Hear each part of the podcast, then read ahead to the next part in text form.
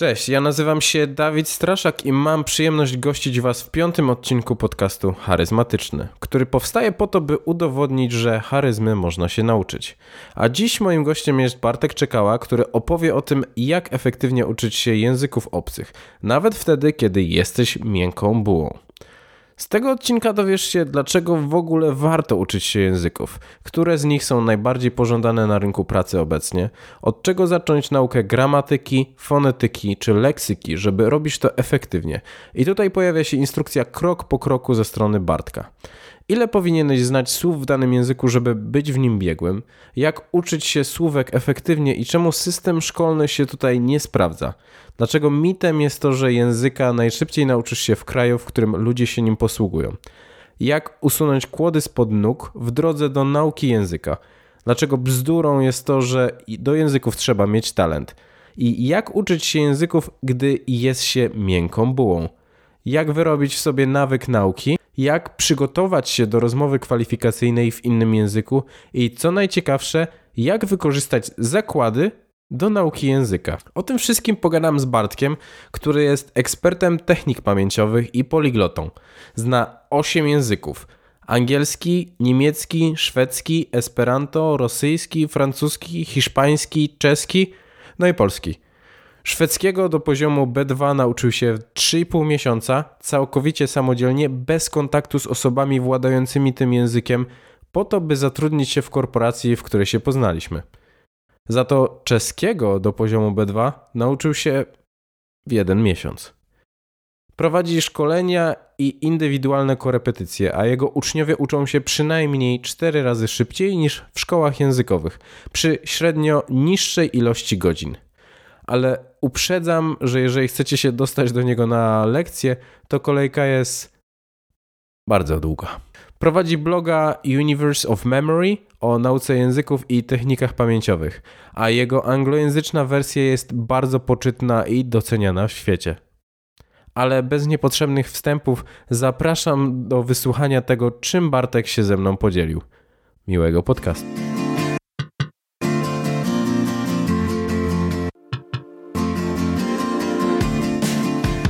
Cześć Bartek, witam Cię serdecznie.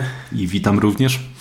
No dobra, no to e, przede wszystkim chciałem zaznaczyć, żebyśmy rozmawiali w języku polskim. Nie ma sprawy, postaram się. Najrzadziej używany język w tygodniu. No właśnie, bo Bartek powiedział mi na samym początku, że e, jak odsłuchiwaliśmy przez, przez chwilę e, próbne nagranie, że dziwnie się słuchać po polsku, bo mówi bardzo rzadko po polsku. No właśnie, jak to jest? Dlaczego tak, dlaczego tak to wychodzi? Życie, życie kręci się poniekąd wokół języków e, i nawet e, nie chodzi o samą naukę języków, tylko od języków. Uczę obecnie czterech języków: angielski, szwedzki, mhm. niemiecki oraz hiszpański e, w większych ilościach, więc sama praca, same zajęcia z ludźmi dają tygodniowo do 30 godzin posługiwania się tymi językami obcymi. Więc 30 godzin z tygodnia jest już wyjęte, jeśli chodzi o język polski. Um, mój czas wolny tak naprawdę kręci się wokół języków obcych. Wszystkie badania naukowe, jakie czytam, filmy, które oglądam, muzyka, którą słucham, jest w innych językach. W dużej mierze, szczególnie badania naukowe są po angielsku, ale mm, znowu jakby brakuje tutaj polskiego. Nawet, co ciekawe, komunikacja z dzieckiem, ze Stasiem, wiek 4 miesięcy, odbywa się przy e, pomocy języka angielskiego. To jest mhm. taki mały projekt poboczny mój, stworzyć z niego native speakera języka angielskiego. Więc mama mówi po polsku, tata mówi po angielsku tylko i wyłącznie. Okej, okay. to ciekawe. Dziwnie, wiem. Znaczy nie, nie mówię, że dziwnie, no bo myślę, że to nie jest jedyne dziecko wychowywane w taki sposób, ale jestem ciekaw rezultatów.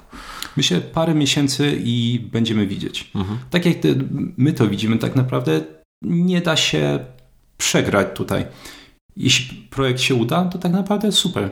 To mhm. pewnie długie, długie lata będziemy gadać po angielsku, nauczy się jak native speaker języka angielskiego. Wiem, ile mi to czasu zajęło, więc jeśli można dziecku dać taki prezent, bo tak to można potraktować, mhm. oszczędzonego czasu, wysiłku, to super. A z drugiej strony, jeśli się nie uda, znowu jest mnóstwo badań, które pokazują, że nawet takie dzieci, które odrzucają język rodzica z jakiegoś powodu, um, nie wiem, wstyd, zażenowanie albo brak użyteczności, mhm. wciąż w momencie, w którym zaczynają się uczyć tego języka, są dużo lepiej usłuchane, osłuchane, dużo lepiej pamiętają słownictwo, dużo płynniej porozumiewają się językiem. Więc koniec końców nie ma tutaj negatywów jakby. No właśnie, bo zaprosiłem Cię tutaj po to, żeby pogadać o tym, w jaki sposób uczyć się języków, ale chciałbym zacząć od pytania, które powinno być najważniejsze w tym wszystkim, czyli po co się ich uczyć? Pytanie świetne. Um, wydaje mi się, że łatwiej by było odpo odpowiedzieć na pytanie, e, dlaczego nie uczyć się języka. Nie ma takiego powodu, bo nieważne, czy będzie powód finansowy, nieważne, czy ktoś ma powód jakiś rozwojowy, czy nawet jeśli chodzi o rozrywkę, warto uczyć się języku. Możemy tu mówić parę przykładów. Jeśli chodzi o aspekt finansowy, Wydaje mi się, że każdy wie, że bez języka obcego obecnie um, ciężko nawet zauczyć, zaliczyć angielski jako język obcy na obecną chwilę, prawda? Masz na myśli to, że wymaga się już go tak samo praktycznie jak, jak polskiego na rynku tak, pracy? Tak, to jest, przynajmniej jeśli chodzi o międzynarodowe firmy, jest to wstępniak jakiś, tak? To jest karta wstępu do firmy, natomiast można by się kłócić tutaj, czy, czy sformułowanie, że to jest jeszcze język obcy jest mhm. prawidłowe. E, natomiast Języki to jest na pewno droga do kariery. Są, jest mnóstwo statystyk, które pokazują, jaka jest różnica w zarobkach osoby, która zna jeden język, a dwa języki na przykład. Mhm. I często są to w Polsce różnice między 1 do 3 tysięcy złotych, w zależności od tego oczywiście o jakim języku mówimy. Stąd jakby jest ten rozrzut. Mhm. Jeśli ktoś zna angielski i niemiecki, na pewno ta różnica um, w zarobkach takiej osoby będzie większa niż te osoby, która zna wiem, angielski i czeski. Jakby, no, czeski nie jest tak doceniany jak niemiecki. Mhm. Na pewno. Jeśli ktoś na przykład um, pracuje z angielskim i szwedzkim, znowu szwedzki jest dużo rzadszym językiem, więc raczej ta osoba zarobi więcej niż osoba z angielskim i niemieckim. Mhm. A jesteś w stanie powiedzieć, które języki są najbardziej pożądane na rynku pracy? Na, pe na pewno języki skandynawskie. E, zanim tak naprawdę zaczniemy wymieniać języki, jeśli ktoś by potrzebował zadać sobie to pytanie, mhm. jaki język powinienem wybrać, żeby dobrze wyjść na tym finansowo, można sobie zadać pytanie, jakie kraje mają dobrą sytuację gospodarczą albo będą miały dobrą sytuację gospodarczą, bo możemy, możemy przewidzieć trend, mhm. jednocześnie nie są popularne. To znaczy nie ma filologii na przykład w Polsce, na przykład we Wrocławiu nie mamy filologii szwedzkiej, a język jest jak najbardziej potrzebny. Kraj ma świetną gospodarkę, czyli oba okienka mamy odhaczone tutaj. Szwedzki na pewno jest potrzebny. A norweski? Jak najbardziej. Fiński gospodarka jest w dobrym stanie. Filologii nie ma, ale samo to, że ta gospodarka nie, nie jest bardzo rozbudowana. To nie jest kraj ekspansywny gospodarczo. Sprawia, że fiński tak pewnie znajdzie, znajdzie się pracę. To pewnie nie złą, ale będzie ciężko znaleźć tą pracę. Mhm językami takimi jak szwedzki norweski na pewno jest łatwo znaleźć tą pracę i mieć duże wymagania. To są na pewno przykłady. E, na pewno można dobrze wyjść jeszcze na japońskim. Na pewno gospodarczo kraj bardzo ekspansywny. E, filologii jak na lekarstwo i osłów w ogóle, to posługują się tym językiem. Pamiętam, że to było ogłoszenie jakieś, które widziałem bodajże 2-3 lata temu. Z ciekawości przeglądałem do ogłoszenia o pracę z językiem chińskim i japońskim. To do jakiejś firmy w Wrocławiu szukano osoby, która zna płynnie język japoński i to było jedyne wymaganie, poza angielskim. Mhm. A ta osoba miała jeździć na jakieś wyjazdy i tłumaczyć. Tak naprawdę. I wtedy, e, te 2-3 lata temu, oferowano takiej osobie chyba 11 tysięcy złotych na rękę. No, nie wiem, się zgodzić, jest, jest to jakiś pieniądz. Jest to na pewno jakiś Mogliby pieniądz. mnie skusić. Tak, tak. tak. Um, także wydaje mi się, że podsumowując, to jest najlepszy możliwy sposób wyznaczania użyteczności jakby finansowej mhm. wybierania języków. Czy kraj jest ekspansywny gospodarczo, czy jest w dobrym stanie e, i no właśnie, jak popularny jest to język w naszym kraju, czy są filologie. Mhm. No dobra, a co za, poza finansowym, e, finansową motywacją, jakby powodem, do którego warto się uczyć, co jeszcze byś e, tutaj wyznaczył?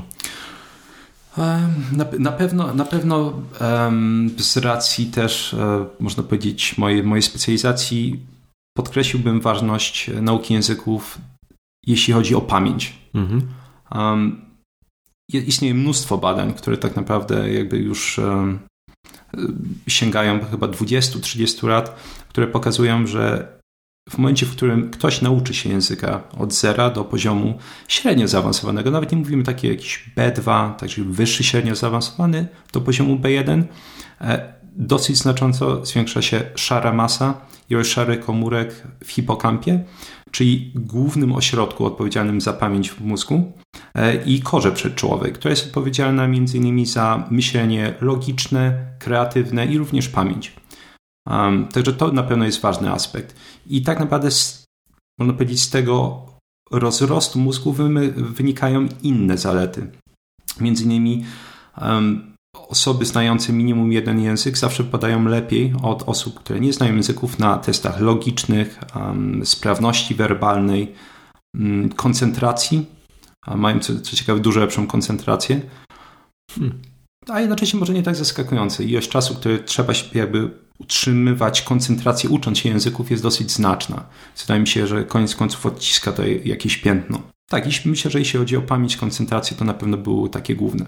E, warto poruszyć jeszcze jakby osobny aspekt, już nie powiązany z pamięcią, tylko bym powiedział sprawnością, um, sprawnością zarządzania projektami. Mhm. ponieważ to jest tak jakby dla mnie ciekawa umiejętność, która, która wynika z nauki języków. Nauka języka jest dosyć skomplikowanym procesem. Wymaga mnóstwo, używania mnóstwa różnego rodzaju narzędzi mentalnych, zarządzania czasem choćby, prawda, priorytetyzacji. I znowu, mamy badania, które pokazują, że osoby, które znają minimum jeden język obcy, wypadają lepiej na taki test, jak osoby po prostu jednojęzyczne. E, więc mieliśmy zarządzanie czasem, e, priorytetyzacja zadań. Tak? Dodatkowo będziemy mieli tak zwaną, nazywa się to w, w nauce o pamięci umiejętności egzekutywne. To znaczy sposób um, zarządzania dużą ilością elementów, które znajdują się w pamięci krótkotrwałej. Mhm. Myślę, że to, tak można by to e, w sposób skrótowy określić. Czyli przykładowo, jeśli słuchamy tak, i chcemy wychwycić jakieś słowo, to musimy wychwycić fragment tekstu z nagrania wychwytujemy z tego fragmentu tekstu słowo i na przykład dodatkowo jakby mamy intencję zapamiętania tego słowa. To jest na przykład jakby jeden z przykładów e, działania tych umiejętności egzekutywnych.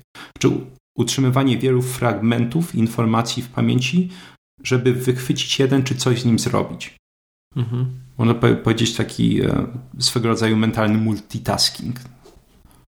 Ładnie powiedziane. Czyli ogólnie jakby poza tą kwestią finansową mam wrażenie, że, e, że główną zaletą jest to, że jesteśmy w stanie lepiej myśleć i jakby sprawniej, mówiąc kolokwialnie. Jak najbardziej, tak. E, więc tak, to by były na pewno te dwa, prawda? Czyli, czyli pieniądze. Um, Sprawność umysłowa. Sprawniejsze myślenie. Tu jeszcze, jeszcze um, można dodać jedną rzecz dla osób, które są zainteresowane zdrowiem.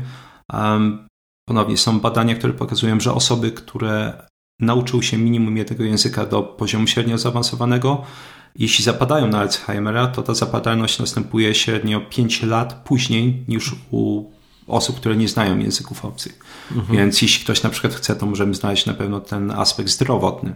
Natomiast następ, e, następnym i tak naprawdę ostatnim takim szerszym aspektem będzie rozrywka, bym powiedział.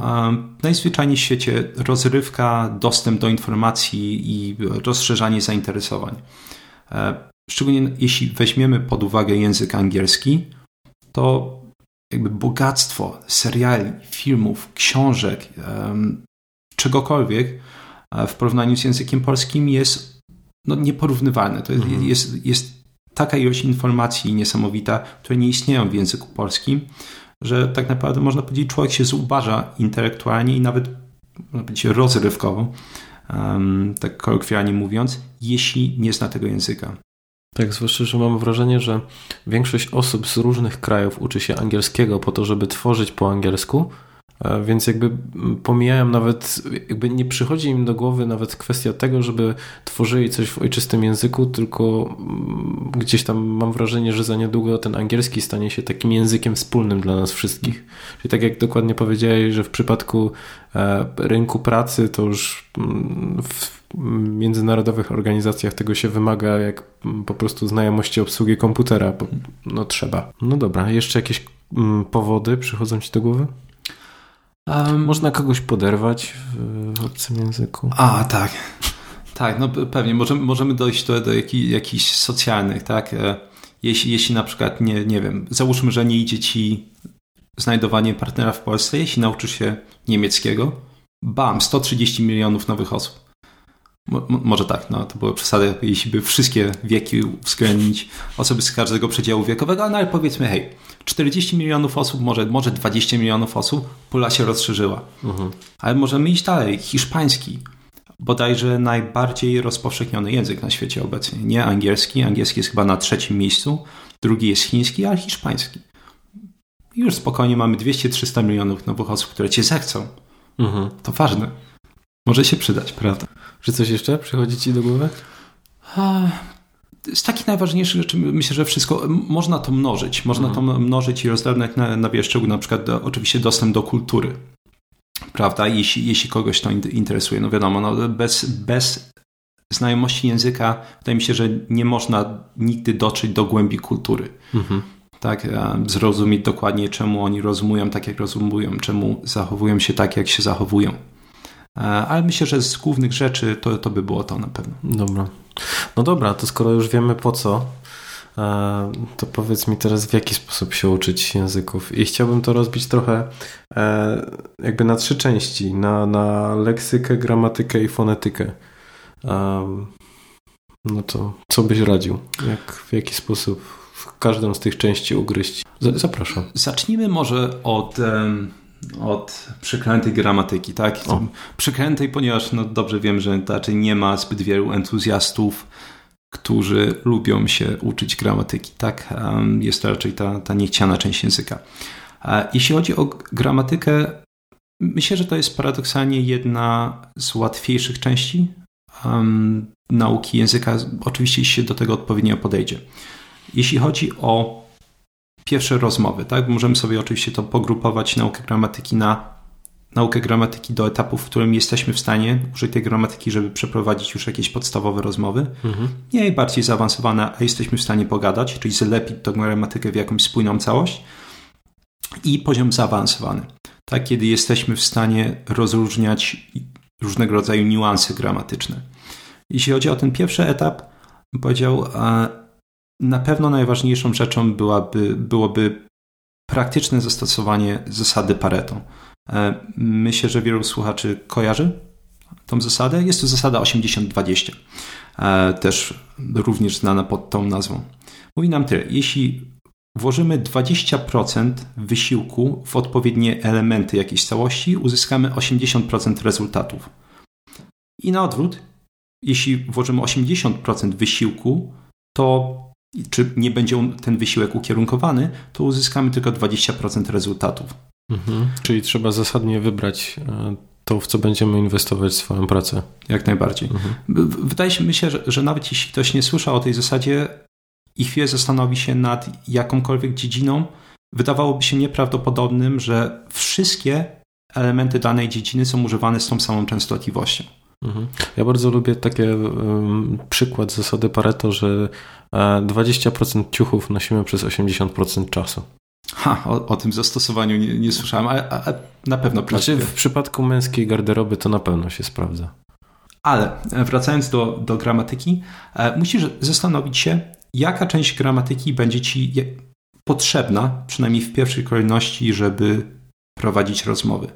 I tak naprawdę nieważne o jakim języku mówimy, wszystkie te elementy będą dosyć niezmienne. W niektórych językach może nie będzie dokładnie tych elementów, jak na przykład w chińskim nie mamy czasów. Jakie to są elementy?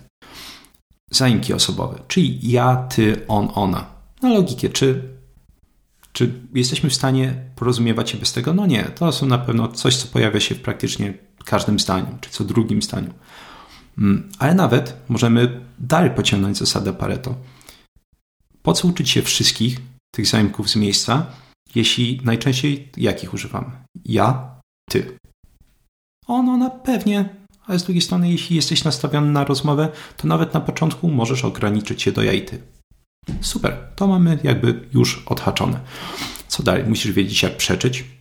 W większości języków, przynajmniej europejskich, jest to banalne. Jest to najczęściej jedno słowo. W polskim mamy nie, w hiszpańskim mamy no, Um, w angielskim mamy no, nine, w niemieckim i tak dalej, i tak dalej. Są jedne słówka, które najczęściej potrafią nam zaprzeczyć znaczenie czasownika, czyli już umiem przeczyć. Trzeba wiedzieć, jak zadawać pytania. Niektórzy mówią nawet niekoniecznie, bo jeśli nie znamy ładnego sposobu zadawania pytań, to wystarczy powiedzieć zdanie oznajmujące z intonacją. Tak? I oczywiście w niektórych językach to jest sposób zadawania też jakby adekwatny pytań. Mhm. Co jeszcze potrzebujemy? E, czyli znamy już zajmki osobowe, wiemy jak pytać, wiemy jak przeczyć. Potrzebujemy czasu teraźniejszego, czasu przyszłego i czasu przeszłego. I niektórzy tutaj panikują. Na przykład angielski ma 12 czasów, niemiecki ma czasów um, 5, um, szwedzki ma czasów 5, um, hiszpański bodajże 9 i tak dalej, i tak dalej. Przykładów można mnożyć. Tych czasów jest dużo. I wiele osób, kiedy widzi książkę do gramatyki, wpada w panikę. Na zasadzie, jak, kiedy? Kiedy ja się tego wszystkiego nauczę? Nie musisz się tego uczyć. Wszystkiego przynajmniej nie musisz się uczyć tego teraz. Wystarczy ci jeden czas teraźniejszy, żeby przekazywać intencję tego, że coś się dzieje teraz. Jeden czas przyszły, że coś się będzie działo w przyszłości, jeden czas przeszły. Tak? I to jest moment, w którym tak naprawdę ma się już dosyć duży zasób jakby gramatyki, żeby zacząć rozmowy. Dla mnie zostają jeszcze tak naprawdę 3-4 elementy, które można do tego dodać. Spójniki, bo zdania złożone to nic innego jak zdania proste połączone spójnikami, czyli przyszedłem tu, ponieważ spójnik chciałem tu przyjść. Ok. Albo na przykład myślę, spójnik, że chciałem tu przyjść. I tak dalej. Możemy w bardzo prosty sposób przy pomocy paru spójników zbudować większą spójność logiczną mhm. tego, co będziemy mówić. Czyli że, ponieważ, i, lub, a żeby. I to jest wszystko, co, co potrzeba, jeśli chodzi o spójniki. Potem mamy czasowniki modalne. Móc, umieć, potrafić, musieć, mieć powinność, czy ja powinienem, ty powinnaś, mm, chcieć. Koniec to są czasowniki. Czasowniki modalne są tak często używane, że na pewno warto jakby od nich też na pewno zaczynać naukę. Um, I na koniec zaimki dzierżawcze, mój, twój i tak dalej, i zaimki dopełnienia, czyli mi, mnie, ciebie, tobą. W zależności od języka te zaimki dopełnienia będą się odmieniać przez przypadki, jak w niemieckim przez cztery, albo w przypadku angielskiego w ogóle się nie odmieniają. Jest jedna grupa zaimków dopełnienia. E, także jeśli zwrócimy uwagę na te elementy, których nie ma my się tak naprawdę dużo, będziemy w stanie dosyć szybko zacząć mówić. I um, o się może wydać szokujące osobom, które są przyzwyczajone, tak jak my, tak do typowego systemu edukacji. Ma się podręcznik, katuje się ten podręcznik rok, zmienia się ten podręcznik. Zagadnienia gramatyczne są rozsiane w bardzo niespójny sposób poprzez te podręczniki. I zanim człowiek rzeczywiście będzie mieć wystarczająco ilość tych narzędzi gramatycznych, żeby się wypowiedzieć, mija bardzo dużo czasu. Mhm.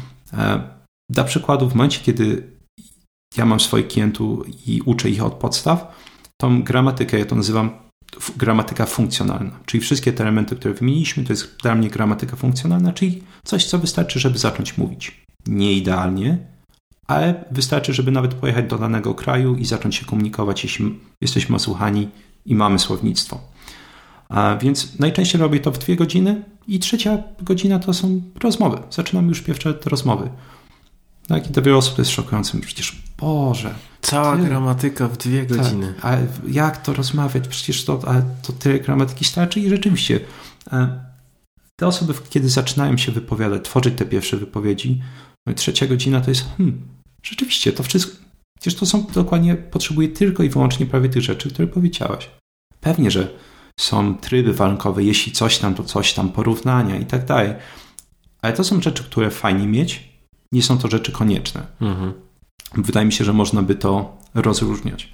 Zwłaszcza, że najfajniej jest, jak uczysz się czegoś i od razu widzisz efekty, a nie tak jak wspomniałeś, że tu, e, tłuczesz jakiś określony podręcznik i dopiero po roku zaczynasz coś rozumieć. Jak najbardziej. No dobra, ale e, Załóżmy, że ktoś chce się nauczyć jakiegoś języka i nie ma możliwości skonsultowania tego z tobą. To co byś polecał, e, w sensie jakie pierwsze kroki, od czego zacząć? Jak ruszyć gramatykę? Można użycie logiki, tak jak mówiłem. Te elementy, które opisałem, mhm. można mniej więcej samemu wygrzewać sobie ze stron, z książek gramatycznych, ale oczywiście załóżmy, um, załóżmy, że ktoś nie ma takiej możliwości albo uważa, że nie ma wystarczającej jednak wiedzy, żeby to zrobić. Można to poprosić kogoś, swojego korepetytora, nauczyciela, albo nawet jeśli nie masz go i nie chcesz mieć, bo jesteś samoukiem, powiedzmy z wyboru, można po prostu wziąć kogoś na dwie godziny, um, dwie godziny korepetycji i poprosić. Proszę, wytłumacz mi, jaka jest najważniejsza gramatyka według Ciebie. Tak, chcę tylko jeden czas teraźniejszy, jeden czas przyszły, jeden czas przeszły, jaki byś powiedział, że jest najczęściej używany. Jak przeczyć? Dosłownie przyjść z taką krótką listą żądań i poprosić tę osobę, żeby to wypisała. Nawet mhm. same nazwy tych zagadnień, bo jeśli masz nazwy tych zagadnień, na przykład czas taki, a taki, to łatwo to samemu już odnaleźć. Wydaje mi się, że to jest taki prosty sposób sporządzenia tego. Mhm. Czyli w momencie, kiedy korzystasz na przykład z e, podręczników gramatycznych, w których jest tylko gramatyka, nie mówię, że to są jakieś takie typowe książki do angielskiego, w których jest wszystko, to skupiać się na tych elementach w kolejności, które, którą wymieniłeś? Tak. E, następne natomiast dodawać, powiedział, w miarę potrzeby. Mhm. To chyba jest najlepsze określenie tego. Jeśli nie używasz, nie, powiedzmy, trybu warunkowego przez wiele, wiele godzin i w końcu się na niego natykasz podczas rozmów, powiedzmy, z Twoim nauczycielem czy z obcokrajowcami, no to to jest świetny sygnał, taki bardzo praktyczny. Ok, nie wiem, jak powiedzieć, jeśli coś tam, to coś tam. Warto zainteresować się teraz tym zagadnieniem. Możemy dodać do tego przybornika metod gramatycznych e, czy struktur gramatycznych. Mhm. Um, I myślę, myślę, że to jest najlepszy sposób. Oczywiście, jeśli ktoś lubi bardziej uporządkowany sposób, można iść książkowo. A czym jest grammar cheat sheet? Tak, to jest, e, bym powiedział, jedno z wielu narzędzi w przyborniku gramatycznym, czy takim zestawie gramatycznym. Też tych metod gramatycznych, które jak dla mnie tworzą pewnego rodzaju właśnie ten przybornik, e, jest sporo. Ta ściągawka gramatyczna jest jednym z nich. Jest to narzędzie na pewno e, bardzo niedoceniane i nieużywane ogólnie. Chciałem powiedzieć w Polsce, z doświadczenia wiem, że ogólnie nie jest specjalnie używane. Polega ona na czymś, wydaje mi się, nie, nie to, co większość słuchaczy sobie pomyśli, że bierzemy ściągawkę gramatyczną, którą każdy widział, na której jest wypisane dokładnie wszystko z gramatyki, wszystkie czasy, wszystkie jakieś skonstrukcje. Nie, to jest chaos. Szansa, że będziesz korzystać z tej ściągawki jest minimalna, bo jest tam zbyt dużo chaosu informacyjnego, elementów, które nie są ci potrzebne. Ale wyobraź sobie tak, wiesz już, czego się uczyć. Jeśli wiesz, czego się uczyć, to w takim razie warto dać sobie przypomnienia na tę ściągawkę gramatyczną. To znaczy umieścić na ściągawkę struktury czy sposób tworzenia konstrukcji gramatycznych, który właśnie sobie przyswoiłeś. Czyli jeden czas przyszły, jeden czas przeszły. To nie zajmie dużo miejsca, a jednocześnie pozwoli ci w bardzo szybki sposób odwoływać się do no właśnie tej, tej kartki, jeśli zapomnisz, jak tworzymy czas przyszły. Dużo łatwiej chwycić tą jedną kartkę, spojrzeć na nią i powiedzieć, a Czas przyszły tworzymy tak, nawet podczas zajęć, tak?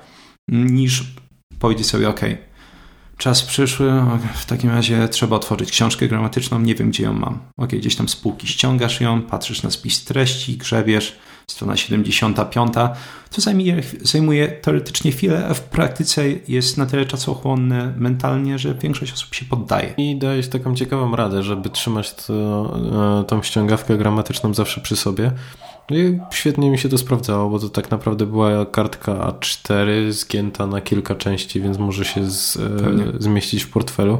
Ilekroć miałem jakiegoś, m, mm, znaczy natrafiałem na problem pisząc maila, więc po prostu sprawdzałem jak, jaki, e, jaki czas powinienem tutaj zastosować i to zajmowało chwilę. Dokładnie tak. To jest jedna z tych metod też, które poniekąd e, uniezależnia, wydaje mi się, językowo, jeśli chodzi o naukę języka ponieważ my jesteśmy przyzwyczajeni, że to nauczyciel, to nauczyciel tamto. To naprawdę największą wolność, mi się wydaje, jeśli chodzi o naukę, nawet nie tylko języków, ogólnie o naukę, e, daje to, że my wiemy, jak dostarczyć sobie informacji zwrotnych. Mamy mhm. sposoby dostarczania sobie informacji zwrotnych, a ta ściągawka jest jednym z tych elementów. Prosta, jedna kartka, a4, na której mamy te informacje, których potrzebujemy. Nie trzeba dzwonić do nauczyciela, nie trzeba mieć korepetycji. A tak to się tworzy, ok. Mhm. No i zwłaszcza, że piszemy to same, e, sami, w sensie ja polecam pisanie e, samodzielnie. Jak najbardziej. No i wtedy zupełnie inaczej do tego podchodzimy, bo możemy też usuwać elementy, które tak naprawdę nie są nam potrzebne. Bo tak jak powiedziałeś, kupując e, w jakiejś księgarni gotowca, może się okazać, że my nie potrzebujemy opisu najprostszych czasów, bo nie mamy w ogóle z nimi problemów, więc po co marnować miejsce? Otóż to. To jest bardzo indywidualna jakby ściągawka, bardzo indywidualne narzędzie. Może tak, bo mhm. rzeczywiście niezależnie od tego, na jakim poziomie jesteś, to będzie przydatne. Tak? Bardziej zaawansowani dadzą hu, mega skomplikowane konstrukcje, a, a właśnie osoby, które zaczynają, mogą dać sobie jaty i tak dalej. No dobra, to gramatykę mamy ogarniętą. To co teraz? Weźmy sobie leksykę. Mhm. Chyba, chyba największy um, koszmarek. Ponieważ, no właśnie, ojej, gramatyka, tak jak mówiłem, wydaje mi się, że ona nie jest skomplikowana, bo często nie trzeba więcej niż zautomatyzować parędziesiąt konstrukcji, żeby dobrze się posługiwać językiem, czy bardzo dobrze.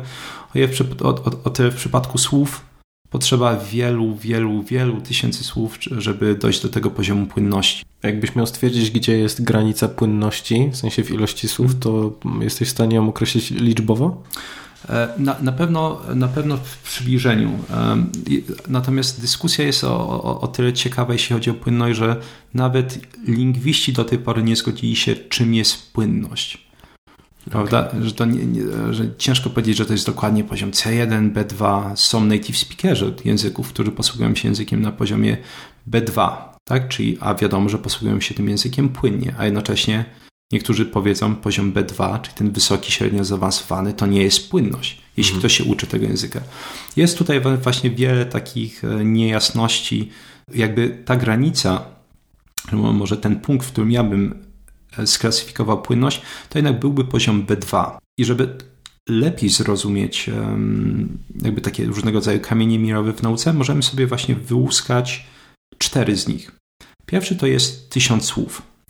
Zanim zacznę dalej wyjaśniać dalsze kamienie, warto wiedzieć, że w tej klasyfikacji w lingwistyce jedno słowo to jest słowo i wszystkie jego odmiany, a nawet często um, słowa należące do tej samej rodziny wyrazów. Czyli biegać, biegający, biegacz, bieganie i tak. To jest wszystko jedno słowo. Tysiąc słów większości języków daje nam zrozumienie na poziomie 80%. I to jest bardzo ciekawy element, ponieważ wiele osób, jak kiedy pierwszy raz dowie się o tym, jest absolutnie zachwy zachwycony na zasadzie wow, tysiąc słów, 80% zrozumienia, w takim razie w tym tygodniu niemiecki, za dwa tygodnie grecki, za i tak dalej, i tak dalej. Bo entuzjazm jest zrozumiały. Jeśli tylko tysiąc słów się nauczymy i mamy 80% zrozumienia, to jest przecież mega dużo. Mhm. Pozornie. Ponieważ okazuje się, że owszem, statystycznie, jakbyśmy zebrali takie typowe codzienne rozmowy lub takie proste artykuły, tysiąc słów da nam 80% występowania tych słów, niedokładnie zrozumienia w tym sensie, że będziemy rozumieć z grubsza o co chodzi. Mm, mój ulubiony przykład pokazania tego jest y, analogiczna sytuacja, że wyobraźcie sobie, że uczycie się polskiego i sto, znacie tysiąc słów, tylko tysiąc słów i stoicie obok e, jakiejś pary na przystanku. Przysłuchujecie się tej rozmowie e, i wyłapujecie coś takiego. Wczoraj poszedłem na hmm i wtedy dowiedziałem się, że hmm, hmm i wtedy hmm, hmm. Znowu, może z grubsza jakby to podsumować, zrozumiałeś 80% słów, ale czy zrozumiałeś ogólny sens wypowiedzi? I tu jest kłopot. Te słowa kluczowe, które przekazują sens wypowiedzi, to jest te 20%, których nie rozumiemy. Więc najczęściej nie będziemy w stanie zrozumieć nawet większego sensu wypowiedzi. Ponieważ w tych tysiącach słów znajdują się co? No właśnie, takie słowa jak przyczenia, nie, ja, ty, on, że, ponieważ, zawsze parę przekręt się znajduje. Bodajże w angielskim widziałem fakt było na dziewiątym miejscu. Najczęściej u, u, tak, to jest, to jest szokujące, no bo człowiek sobie myśli, Boże, to zwierzęta, obrzydliwe zwierzęta. Myślę, tak, tak często, no nie wiadomo, nie wiadomo jak nasze polskie narodowe słowo, no. jakby się uklasyfikowało na takiej iście tysiąca najczęściej używanych pierwszy, polskich. Pierwszych trzech. Gdzie, gdzieś tak, gdzieś tak pewnie. Pierwsza piątka pewnie. Um, Natomiast na pewno te tysiąc słów to jest świetna podstawa. Drugi kamień milowy to jest 3000 słów. 3000 słów daje według badań z grubsza 95% zrozumienia. I to jest pierwszy kamień milowy, który tak naprawdę nas interesuje, ponieważ znając 95% słów, jednak jesteśmy już w stanie czytać, jesteśmy w stanie porozumiewać się. Mhm. A, a ja bym kłócił się nawet, że 3000 słów, mimo że to są tysiące, tysiąc zawsze brzmi groźnie, to nie jest aż taki ogrom materiału. Tak? Dla większości osób osiągnięcie um, tego poziomu 3000 słów to jest prawdopodobnie rok, jakby się przyłożyli. Jakby mieli jakby jakikolwiek prymitywny choćby system nauki. Kamień milowy jest o tyle ciekawy, że to jest tak zwany um, minimum nauki kontekstowej. Jest wielu wesołków, czy różnego rodzaju szkół językowych, które e, mówią, jeśli tylko wyjdziesz za granicę i otoczysz się językiem, człowiek przez skórę po prostu zacznie chłonąć ten język. Mnie brzmi tak no, fantastycznie, że człowiek jedzie gdzieś tam do Londynu, wykłada sobie po prostu leżak gdzieś tam na rynku, a wyciąga piwo i po prostu mm, rozciąga się wygodnie i słuchamy. Teraz słuchamy, po 8 godzinach pakujemy leżak do domu. Tak, mija parę miesięcy i człowiek po prostu no, no jest płynny. Natomiast no, nie, nie jest to prawda. Znowu, nauka tutaj dosyć wyraźnie klasyfikuje minimum nauki kontekstowej, czyli minimum słów, które potrzebujesz, żeby zacząć coś chłonąć z kontekstu, jako 3000 słów. I to jest właśnie ciekawe, bo to jest jeszcze minimum, prawda? To znaczy, że na tym poziomie nie będziesz się uczyć efektywnie. Nie licząc jakby tej imersji językowej, czyli pogrążania się w języku, wyjazdów za granicę, mam jeszcze przykłady takiej imersji w postaci nauki pasywnej. Tak? Wiele osób na przykład próbuje się uczyć czytając albo słuchając. Wydaje mi się, że to jest bardzo, bardzo popularne podejście w Polsce. E, natomiast kłopot jest taki, że często te osoby rzeczywiście dużo czytają i dużo słuchają, a efekty są dosyć kiepskie. Ponownie mamy właśnie ten kłopot. Nawet mając, znając 3000 słów, mamy dopiero minimum potrzebne do nauki kontekstowej. Czyli ona się może zdarzyć, ale nie będzie się zdarzać często kiedy się będzie zdarzać. I tu dochodzimy do trzeciego kamienia milowego, którym jest 5000 słów.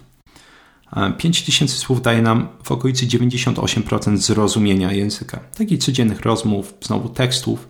Oczywiście, jeśli tylko zejdziemy z codziennych rozmów i tekstów na coś specjalistycznego, spadnie to zrozumienie. Jak zawsze, to jest specjalny przypadek. I dopiero 5000 słów stanowi um, optymalny próg nauki kontekstowej. Czyli dopiero na tym poziomie jeśli chcesz się uczyć oglądając seriale, chcesz uczyć się z książek, czytając duże ilości, śmiało. Bym powiedział, w, w tym momencie pewnie można by sobie odłożyć tą aktywną naukę języka i zacząć po prostu tylko pasywnie go chłonąć. Natomiast 5000 słów to już jest jednak trochę słów i to by jest, jeśli chodzi o poziomy języka, mniej więcej poziom B2. Dla porównania 1000 słów, czyli nasz pierwszy kamień milowy to jest poziom A2 mniej więcej, 3000 słów to jest Poziom B1, może B2. B1 łamane przez B2. E, także dopiero na poziomie wyższym B2, znając 5000 słów, możemy się zacząć dobrze uczyć z kontekstu, efektywnie. Czyli do tego momentu, jeśli ktoś po prostu bazuje na nauce pasywnej, czyli jedzie za granicę, mając nadzieję, że w magiczny sposób będzie chłonąć język, może się srogo zawieść. I nawet podczas prowadzenia szkoleń mam um, ciekawe przypadki osób, e, które opowiadały mi na przykład, że przychodząc do firmy, dostając pracę, miały miesięczne e, kursy imersyjne, które polegały na tym, że 4 godziny dziennie przez cały miesiąc, um, wydaje mi się, że to mogło być nawet dłużej, powiedzmy miesiąc, miały tylko i wyłącznie zajęcia z języka niemieckiego. Nic mhm. więcej. W momencie, w którym omawiam między innymi te poziomy języków, progi, nauki kontekstowej, to na przerwie zawsze podchodzą to sobie i mówią, wiesz co, to coś wyjaśnia. Bo ja na początku, jak się dowiedziałem, że będę mieć taki właśnie ten kurs imersyjny, byłem zachwycony. To musi się udać. Się po miesiącu w ogóle skoczę o poziom albo dwa. Mhm. Natomiast skończył się ten miesiąc i człowiek pewnie, że czuje jakąś różnicę. No jeśli trzaśniemy w kogoś nie wiem, 80 czy 160 godzinami nauki, to zawsze coś się zmieni a nie było to dla tych osób nic odczuwalnego, nic mocno odczuwalnego, co że człowiek nagle w momencie komunikacji czuje, wow, to jest, rzeczywiście zmienił się sposób, w jaki ja się komunikuję, w jaki się wypowiadam. Że dopiero na tym poziomie. I co jest ciekawe, to poziom B2 w przeciętnej szkole językowej zajmuje 4 lata, a jednocześnie typowe podejście, nawet, nawet nie chodzi o szkołę językową, tylko system edukacji jest, żeby dojść do tego poziomu B2, co robimy, czytamy i słuchamy dużo. Natomiast dopiero tak naprawdę staje się to efektywne, zyskuje jakiś głębszy sens na tym poziomie. Mhm. I ostatni kamień milowy to jest 10 tysięcy słów, słów, przepraszam, słów. Polski jest, w innym języku. Po, polski, polski jest ciężkim językiem, to jest ewidentnie ciężki język. Na, poziom, na poziomie 10 tysięcy słów rozumiemy 99% wszystkiego, co czytamy, słuchamy. I to byłby poziom C1 albo mniej więcej C1 łamane przez C2. I to jest poziom tak naprawdę, na którym zawsze każdej osobie polecam zadać sobie pytanie, czy warto dalej. Mhm. Bo na logikę, jeśli rozumiesz 99% słów, to nawet to jedno słowo na 100, bo tak to możemy określić, nie rozumiesz jednego słowa na 100, pewnie z kontekstu zrozumiesz. Czy potrzebujesz znać to słowo aktywnie? Prawdopodobnie nie. Stąd właśnie na tym poziomie warto, no właśnie warto zadać sobie pytanie, czy potrzebuję dalej na przykład poprawić ten język ze względu na pracę albo z jakiegoś innego powodu, czy może właśnie damy sobie spokój i przynajmniej nie, nie o to chodzi, żeby zaniedbać naukę tego języka, może nie poświęcać temu aż tyle czasu. Tak? Bo zwróćcie uwagę, jak spadają efekty naszego wysiłku przechodząc między kamieniami milowymi. Tysiąc słów to jest 80% zrozumienia. Nauczmy się kolejnych 2000 słów, czy jesteśmy na 3000 i zyskaliśmy tylko 15% zrozumienia już. Kolejne 2000 nasze zrozumienie wzrasta o 3% do 98 i uczymy się kolejnych 5000 słów i nasze zrozumienie wzrasta o 1% z 98 na 99. I, I żeby jakby stworzyć tu jakąś perspektywę, to znaczy, że osoba, która wykonuje pracę z poziomu na, przeskakując z poziomu na e, B2 na C1, równie dobrze mogłaby się nauczyć nowego języka w przybliżeniu w tym czasie do poziomu B2. To jednak jest dosyć duży wysiłek tylko po to, żeby dojść do poziomu C1. Jak to się ma do naszej nauki? Na pewno to nam mówi parę rzeczy. Warto korzystać z list w częstotliwości. Listy częstotliwości to są e, listy, które bodajże zostały czy, początkowo tworzone w latach 60. i są do tej pory regularnie tworzone przez różnego rodzaju instytucje w danych krajach, które pokazują z jaką częstotliwością używane są słowa w danym języku. Znaczy, możemy sobie um, wygooglować lista częstotliwości, polecam, albo frequency list. Po angielsku, jak zawsze, będzie dużo więcej e, wyników. I tutaj dodajmy sobie nazwę języka, który nas interesuje. I znajdziemy listę na przykład tysiąca najczęściej używanych angielskich słów, trzech tysięcy najczęściej używanych polskich słów, czy niemieckich, czy hiszpańskich. I zwróćmy uwagę, że w momencie, w którym będziemy używać takich list, nasz wysiłek jest minimalizowany, ponieważ my idziemy prostą ścieżką do jak największego poziomu zrozumienia, czy stopnia mhm. zrozumienia. W podręcznikach, ja nie używam podręczników do nauki, bo dla mnie to jest e, strata czasu. E, nauka jest zawsze personalna podręczniki nie są. W momencie, w którym na siódmej lekcji w książce mamy na przykład warzywa, poziom A1 czy A2. Siódma lekcja i ma, wiemy, że jak jest nie wiem, seler czy rzodkiewka, a nie potrafimy zapytać się o drogę do kibla w obcym mieście, to jest wyraźnie I tak. nie jemy selera w ogóle, tak. nigdy o niego nie zapytamy. To coś jest ewidentnie nie tak, a potem i, i tak na tym sprawdzianie jest ten seler. Mm. Tylko po co? Nauka jest mocno spersonalizowana. Um, Stąd dla mnie na pewno pierwszym krokiem jest korzystanie z ich częstotliwości. Wiadomo, że każde słowo, którego będziesz się uczyć, prowadzi cię najprostszą możliwą drogą do celu, czyli do tego 80% zrozumienia, 90, 95. Natomiast warto pamiętać też, że ja bym powiedział, najczęściej są dwa kryteria, kryteria wyboru słownictwa. Jedno to będzie, no właśnie, listy częstotliwości, bo nieważne jak bardzo będziesz się dąsać, i tak potrzebujesz tych list. I tak musisz znać wszystkie najczęściej używane słowa, bo inaczej nie będziesz rozumieć, o czym ludzie mówią. A drugie kryterium to jest kryterium użytku osobistego. Jeśli ktoś pracuje jako weterynarz, albo chce pracować jako weterynarz, to prawdopodobnie dla niego takie słowa jak powięź choćby będą potrzebne. Tak? Dla każdej innej osoby to będzie, co to jest powięź. Prawda? Stąd i to oczywiście będzie się tyczyło absolutnie każdej osoby. Każdy ma swoje koniki, zainteresowania, ale również pracy, która wymaga specyficznego, specjalistycznego słownictwa. Więc mimo, że oczywiście powinniśmy korzystać z częstotliwości, to warto pamiętać, tak, ale potrzebujemy też słów, które będą nam potrzebne do komunikacji, choćby jakby w celach zawodowych, ale też mówienia o sobie. Tak, dla mnie na przykład e, nie wiem, pamięć, pamięć, mózg, e, techniki pamięciowe są podstawowymi słowami, kiedy uczę się nowego języka, bo często o tym opowiadam. Mhm. Często mhm. ktoś o to pyta, albo ja chcę o tym opowiedzieć, więc to by mnie ograniczało, jeśli bym nie znał tych słów, a jednocześnie próżno szukać tych słów na iście powiedzmy 3 czy 5 tysięcy najczęściej używanych słów. No dobra, a jak uczyć się samych słów? Jak już mamy określone listy tego, czego potrzebujemy, wykreślamy te, które nam się nie podobają e, i wiemy, że nie będziemy ich wykorzystywać, jak to zrobić, żeby one weszły do głowy? Hmm, najprostszym sposobem, niewymagającym um, w sumie żadnego przygotowania, żadnej praktycznie dodatkowej wiedzy jest e, używanie programów do optymalizacji nauki słownictwa. Takich jak? Takich jak Anki. Mhm. Um, jeśli ktoś chce wyszukać, to wystarczy wpisać Anki, dokładnie tak jak słyszymy w Google i to będzie pierwsze miejsce na, na liście Google. Anki skakanki? Tak, Anki skakanki. O, to, to jest dobra. To jest dobra mnemotechnika na zapamiętanie. Co robi ten program? Możecie sobie myśleć o tym programie jako elektronicznych fiszkach. Tak, czyli tak jakbyście mieli papierową fiszkę, na przykład yy, i widzicie z jednej strony pies, odwracamy, mamy dog, to te fiszki będą działały na tej samej zasadzie. Pokazują nam pytanie i w tym momencie musimy jakby zatrzymać się na chwilę i zastanowić, ok, jeśli widzę pies, to jak jest, jak to brzmi po angielsku. Mhm. Zastanawiamy się, nieważne, znamy odpowiedź, nie znamy odpowiedzi, klikamy pokaż odpowiedź i wyskakuje nam odpowiedź, czyli ten dog i teraz oceniamy się.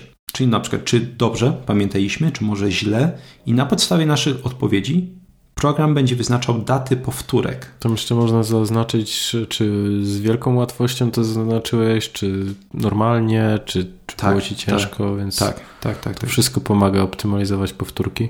No właśnie, to jest taki bardziej precyzyjny sposób nauki słownictwa, bo typowym błędem, który wiele osób uczących się języka popełnia, jest posiadanie zbyt dużej liczby materiałów, co prowadzi do tak zwanego paraliżu decyzyjnego momencie, w którym, i znowu, to jest myślę sytuacja, e, z którą zetknął się przynajmniej e, raz w życiu, albo wiele razy w życiu każda osoba, która uczyła się języka.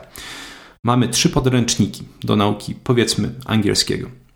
Dodatkowo mamy 50 kserówek, 60 kserówek, 20 kserówek, nieważne, na pewno jest ich dużo. Dodatkowo mamy dwa, trzy zeszyty do nauki angielskiego. Na razie jesteśmy na samych papierkach. Tego się już trochę zebrało. Mhm. Dodatkowo każdy ma jakąś fajną aplikację na komórkę. Tak. Pokazuje, no właśnie, pokazuje tego pieska i nawet jest, jest e, obrazek. Jest tam obrazek, dźwięk i wszyscy się zachwycają. Takie wow, jej, jest kolorowe, jest fajne. Um, dodatkowo, no właśnie, to jest to tylko komórka, teraz przechodzimy do internetu. Jest wiele rodzajów aplikacji, um, takie jak choćby Duolingo, tak, bardzo popularne, um, które też jest, no właśnie, jednym z tych materiałów do nauki. Koniec końców, jakby to podsumować, to mamy prawdopodobnie minimum parę dziesiąt miejsc, w które możemy pójść, żeby zacząć uczyć się słownictwa. Mhm. To prowadzi do Paraiżu, bo teraz, no właśnie, wyobraźcie sobie, przechodzicie sobie z pracy do domu, wiecie, że macie 15 minut, które można przeznaczyć na naukę, bo potem, nie wiem, trzeba obiad zrobić, może trzeba pobawić się z dzieckiem, coś trzeba zrobić. Więc jeśli macie 15 minut i macie parę dziesiąt miejsc, w które możecie pójść, żeby zacząć uczyć się słownictwa, to ile czasu zajmie podjęcie decyzji, który, no właśnie, w które miejsce pójdziemy? Czy to będzie książka, czy to będzie Excelówka, czy to będzie ta aplikacja na komórkę? Mhm. Samo to często, no właśnie, paraliżuje nas. Stąd ta nazwa, paraliż decyzyjny. Zanim podejmiemy decyzję, mija tyle czasu, że A. Marnujemy większość czasu, który mieliśmy na naukę, B. Nie podejmujemy decyzji w ogóle. Mhm. Jest to jest dosyć smutny stan rzeczy. Um, Czyli im większy wybór, tym mniejsze prawdopodobieństwo, że dokonamy tego wyboru. Dokładnie tak. E, programy takie jak Anki my się eliminują zupełnie te dodatkowe źródła. To, na przykład to jest jedyny program, którego ja używam do nauki. Łatwo sobie wyobrazić łatwość podejmowania decyzji przy nauce, kiedy mamy tylko jeden program. To nie jest tak, że ok, dzisiaj na przykład stwierdziłem, że pouczę się z jednej kserówki, a następnego dnia z książki, a następnego dnia z aplikacji, bo wtedy, dobrze wiem, nie ma żadnej tak naprawdę spójności w tej nauce. Do, do, zanim wrócę znowu do tej kserówki, minie co? Dwa tygodnie? Trzy tygodnie? Jest zbyt dużo rzeczy, żeby zrobić to wszystko jednego dnia. Natomiast ja wiem, że ok, teraz mam czas na naukę, godzinę, dwie, trzy. W takim razie otwieram Anki ciach. Mhm. Jakby moment od intencji, chcę się uczyć, do rozpoczęcia nauki jest minimalny. To się ładnie nazywa energią aktywacyjną w psychologii, czyli energia, którą potrzebujemy włożyć w rozpoczęcie wykonywania czynności. Im więcej mamy tych e, przysłowiowych kłód na drodze, tym mniejsza szansa, że podejmiemy tą decyzję.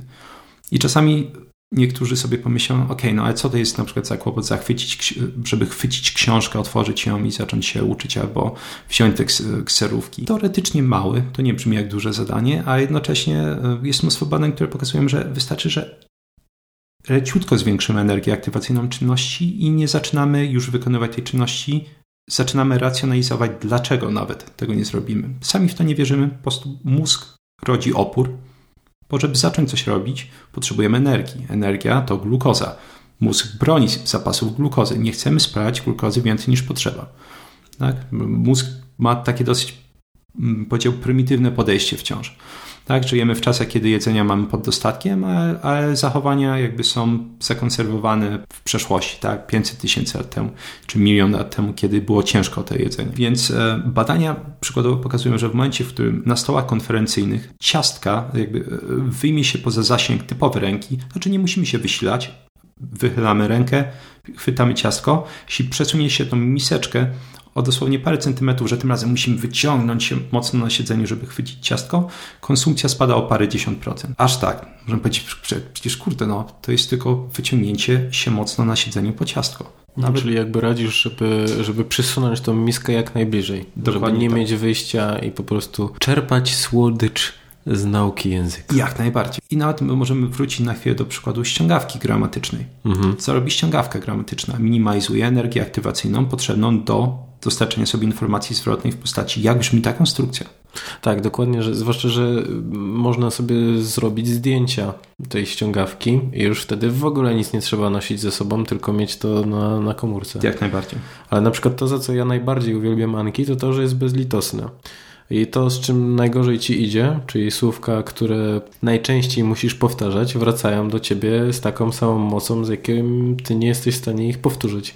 Bo komputer a jak się uczymy z takich list słówek typowo, wiesz, jak, jak w szkole, że z jednej strony po polsku, z drugiej załóżmy, że po angielsku, no to czasami przymkniesz oko, bo no, to trudne słówko, więc uciekniesz. A tam Anki, no... Tak.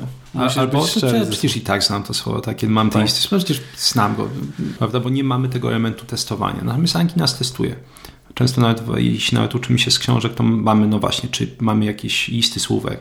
Na zasadzie, ok, Apple, jabłko, super, nie, nie wiem, tam springen, skakać. Natomiast nie ma tu elementu testowania, my tak naprawdę odczytujemy to. Natomiast w Anki mamy prosty element testowania pamięci, mhm. tak? Czyli ok, wyskakuje nam słowo jabłko i teraz, hmm, ok, dobra, jakie jest jabłko po angielsku? No także dużo efektywniej e, jakby podchodzimy tym, przy pomocy tego programu do testowania pamięci, czy rzeczywiście dobrze pamiętamy to słowo. Mhm. Powiedz mi, w, na początku powinna się pojawiać fiszka w języku e, ojczystym, czy tym, z którego się uczymy, czy język obcy wtedy się powinien pojawiać? Na zasadzie chcemy nauczyć się słówka jabłko, więc najpierw powinno się pojawić jabłko, czy apple? Okay, e, zdecydowanie um, Polecałbym, żeby najpierw, żeby pytanie było słowem w języku ojczystym. Powód jest prosty. Stworzyć trwały siat pamięciowy potrzeba elementu, który nazywa się po angielsku active recall. Um, co można sobie swobodnie przetłumaczyć e, w takim różnym tłumaczeniu jako aktywne przywoływanie słów z pamięci. Znaczy potrzebujemy energii, potrzebujemy wysiłku, żeby przypomnieć sobie, jak to słowo brzmi w mhm. języku obcym. Oczywiście mamy ten element, w momencie, w którym pytanie jest słowem z języka ojczystego. Tego elementu już nie ma w momencie, w którym mamy pytanie w postaci dog choćby. Wtedy jedyne, co robimy, to ćwiczymy rozpoznawanie. A jeśli chcemy ćwiczyć rozpoznawanie, to tak naprawdę po co nam ma Anki? Polecam wtedy otworzyć książkę i zacząć czytać. Mhm. To przynajmniej będzie jakieś e, rozpoznawanie, które ma więcej sensu tak? i coś ze sobą niesie. Także zdecydowanie jako pytanie słowo z języka ojczystego albo innego języka, który już świetnie znasz, Natomiast jako odpowiedź słowo z języka, którego się uczy. No i najważniejsze, Anki jest darmowe. No, na iPhone'a jest e, płatne, ale jak tak. się odpala przez stronę internetową, to dalej jest darmowe. Tego nie widziałem. To jest, no ja, to jest no, ja korzystam, korzystam właśnie w ten sposób, że otwieram sobie przez przeglądarkę i mam za darmo, więc... Okay, a, tak, tak, przez Anki Web, tak? Mhm, w sensie, tak. A, tak. E, naprawdę prawdopodobnie najlepsza, jeśli chodzi o naukę, inwestycja, jakiej można dokonać. Zdecydowanie. No ja na początku też byłem jakoś tak sceptycznie nastawiony, bo fiszki zawsze kojarzyły mi się z e, ludźmi z medycyny, którzy uczyli się właśnie w ten sposób, no ale potem sobie pomyślałem, że oni właśnie uczą się najwięcej, więc wiedzą, co, hmm. co działa e, najbardziej, no, w, jakie są najlepsze sposoby nauki. No i rzeczywiście, jak zacząłem się uczyć e, za pomocą Anki, to już teraz nie jestem sobie w stanie wyobrazić, jak dużo czasu musiałbym marnować e, na powrót do starych metod. Ja robię na przykład to w taki sposób, że pojawia się słówko w języku polskim, ja sam mówię po angielsku w, w momencie i dopiero wtedy sprawdzam. Jeżeli się zgadza, no to super, piątka dla mnie. Tak Jeżeli nie, to czytam właśnie w jaki sposób powinno być w języku docelowym, no i lecimy dalej. E, I, I, na początku robiłem to jakby bezdźwięcznie, ale o wiele lepsze efekty zaczęło mi to przynosić w momencie, hmm. kiedy mówiłem na głos, jak słówko powinno być wypowiadane. Tak. To jest, to jest ciekawe, to jest tak zwany efekt produkcji.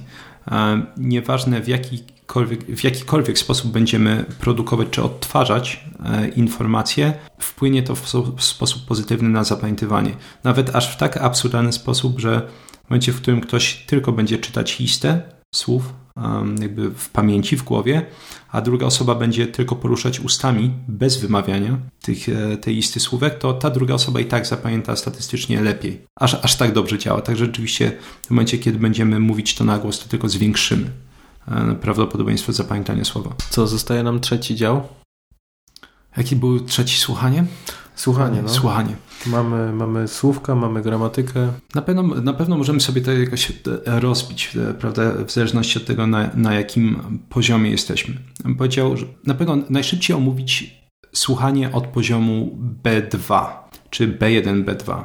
Czy jesteśmy jeszcze raz na poziomie 4-5 tysięcy słówek, mhm. jeśli już wiesz, że zostałeś sklasyfikowany na takim poziomie, czy to na rozmowie kwalifikacyjnej, czy przez szkołę językową, a może ty robiłeś certyfikaty. Znając tyle słów, nie musisz tak naprawdę się bawić w jakąkolwiek dyskryminację, wyszukiwanie e, specjalnych nagrań. Tu, na tym poziomie, przypominam, powinieneś rozumieć między 95 a 80% wszystkiego, co słyszysz, jeśli będziesz dobrze osłuchany. Tym samym tu, na tym poziomie jedyne, co potrzebujemy, to słuchać. Jedyne, co bym dodał, to warto słuchać czegoś, co będzie nam sprawiać przyjemność, czegoś, co będzie nam się podobać, bo nawet wtedy, jeśli nie mamy jeszcze świetnego słuchania, mimo że znamy słowa, mhm. to wciąż sama przyjemność choćby oglądania tego serialu czy filmu potrafi nas przeciągnąć przez jakby takie dołki psychiczne, że o Boże, nie rozumiem. Ale z drugiej strony widzę, że oni coś tam do siebie gadają, ktoś się tam bije, tak, ktoś tam siedzi w knajpie. Mm, na pewno ta, ta strona wizualna pomaga. Dużo gorzej jest, wydaje mi się, jak ktoś słucha radia, chyba że ktoś bardzo lubi jakiejś audycji, no bo nie ma tego elementu wizualnego, tak? To jest stricte medium, um, powiedział takie audio. Czyli jeśli nie słyszymy, nie rozumiemy tego głosu, czy tych głosów, to dosyć ciężko się zmusić, żeby dłuższy czas słuchać. Także od poziomu B2 po prostu słuchajmy. Słuchajmy dużo, słuchajmy czegoś, co nam się podoba. Tak, żeby zwiększyć szansę tego, że będziemy słuchać dłuższy czas. No I na pewno się nie zniechęcać w momencie, kiedy na samym początku nie rozumiemy. To jest, to jest, to jest świetna uwaga. Tak, bo zauważyłem, że wiele osób, z którymi rozmawiam, mówi, że no próbowałem, wszyscy mówią, żeby oglądać seriale po angielsku albo w języku, w innym języku i w momencie, kiedy po, przez 10 minut nie rozumieli o co chodzi, to stwierdzali, dobra, za bardzo się męczę, to miała być przyjemność, więc odpuszczam sobie. Warto rzeczywiście podejść do słuchania e, z szczególnym nastawieniem, czy takim specjalnym nastawieniem. E, słuchanie jest dla większości osób najbardziej czasochłonną czynnością, najtrudniejszą do opanowania umiejętnością czy kompetencją językową. E, nawet sam patrząc na siebie, potrafi się uczyć szybko, nie mam problemów z przyswajaniem słownictwa, gramatyki w nowym języku, ale słuchanie. Słuchanie no właśnie jest dużym wyzwaniem. Często trzeba, no właśnie, przejść przez wiele tych dołków, tak 10, 15, 20, 30 dołków, czyli słuchamy 10 godzin albo 20 godzin i mimo, że teoretycznie wiemy, że znamy tyle słów, to powinniśmy rozumieć, a jednocześnie nie rozumiemy, bo nie jesteśmy osłuchani. A sztuką jest przeciągnąć, jakby przejść przez ten okres mhm. 20 godzin i wtedy jest ten pierwsze małe przełamanie, takie o, a ten 21 no, odcinek, rozumiałem. już zdecydowanie, było na przykład parę tych wymian, które rozumiałem. Okej, okay, dobra, żywić się, żywić się tymi małymi sukcesami. I wtedy znowu 15, 20 godzin, 30, może 50. Słuchamy i znowu się wydaje, no przecież to nie ma sensu. Ja nie czuję, że rozumiem dużo lepiej. Mhm. Aż mhm. często praktycznie z dnia na dzień, to jest ciekawe zjawisko, um, zauważyłem u siebie wielokrotnie u osób, które uczę, praktycznie z dnia na dzień jakby coś, coś się przełączało w głowie. Nagle, ej, już nie wiem, rozumiem rzeczywiście bardzo dużo.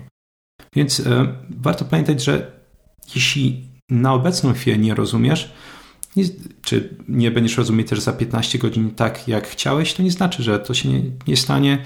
Po prostu mózg potrzebuje dużo czasu, żeby właśnie odseparować ten strumień mowy. Tak, w momencie, w którym szczególnie aktorzy mówią szybko, zlewa się w taką całość. Mózg potrzebuje czasu, żeby zacząć jakby ciąć te słowa na pojedyncze, potem składać je w głowie już logicznie, to oczywiście biorąc pod uwagę też jakiś hałas otoczenia w tym serialu, czy dialekty i tak dalej, i tak dalej.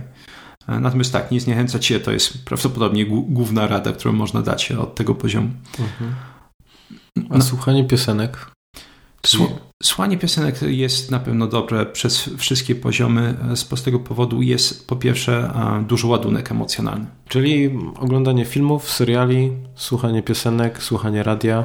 Tak. E, obejrzałem e, serial, to był Alf, mhm. najpierw w języku polskim, a potem po angielsku.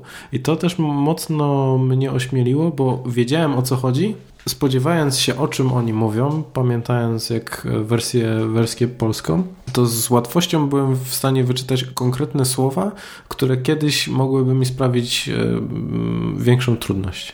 Tak, to jest zdecydowanie jeden z fajnych trików, nawet jeśli chodzi o czytanie. Tak? E, jeśli ktoś się boi zacząć czytać, to przykładowo zacząć czytać coś, co czytaliśmy już po polsku i oczywiście podobało nam się, chcemy przeczytać jeszcze raz. Mhm. Wiem, że dużo osób robi to z Harry Potterem albo Władcą Pierścieni. Mhm.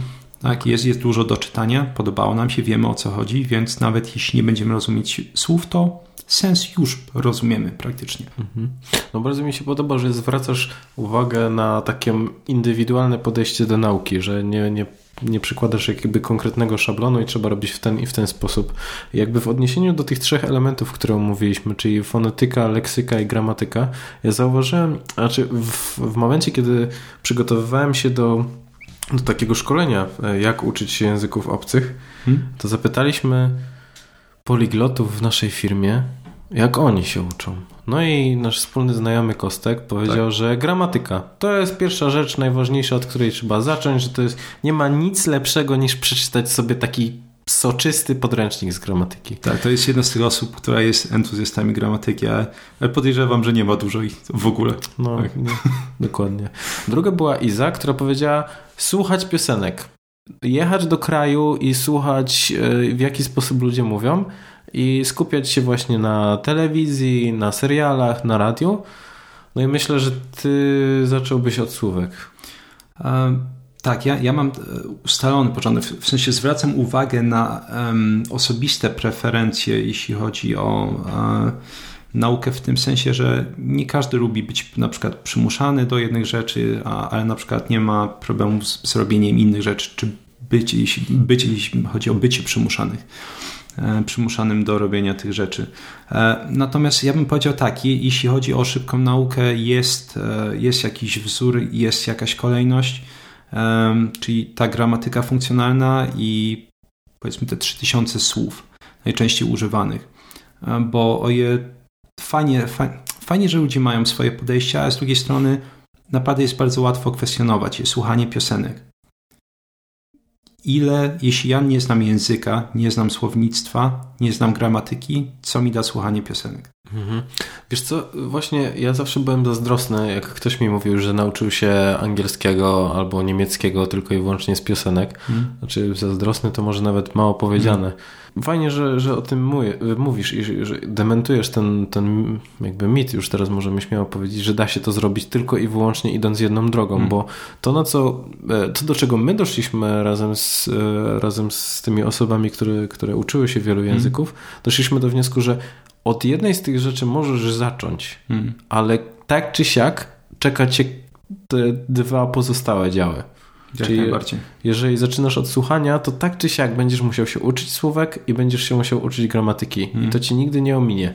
Więc jakby fajnie jest zacząć od tego, co łatwiej ci przychodzi, ale trzeba pamiętać o tym, że niestety każda z tych części będzie cię wcześniej czy później czekać. Jak najbardziej. No dobra, ale chciałbym tak podsumować, czyli co? Załóżmy, że chcemy się uczyć sami i mamy tylko 2,50 w portfelu. Mhm.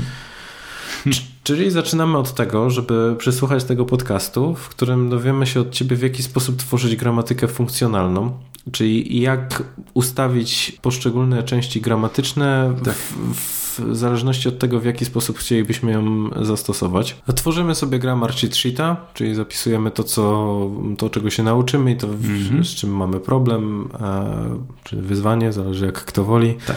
E, ściągamy Anki, w międzyczasie, które jest darmowe.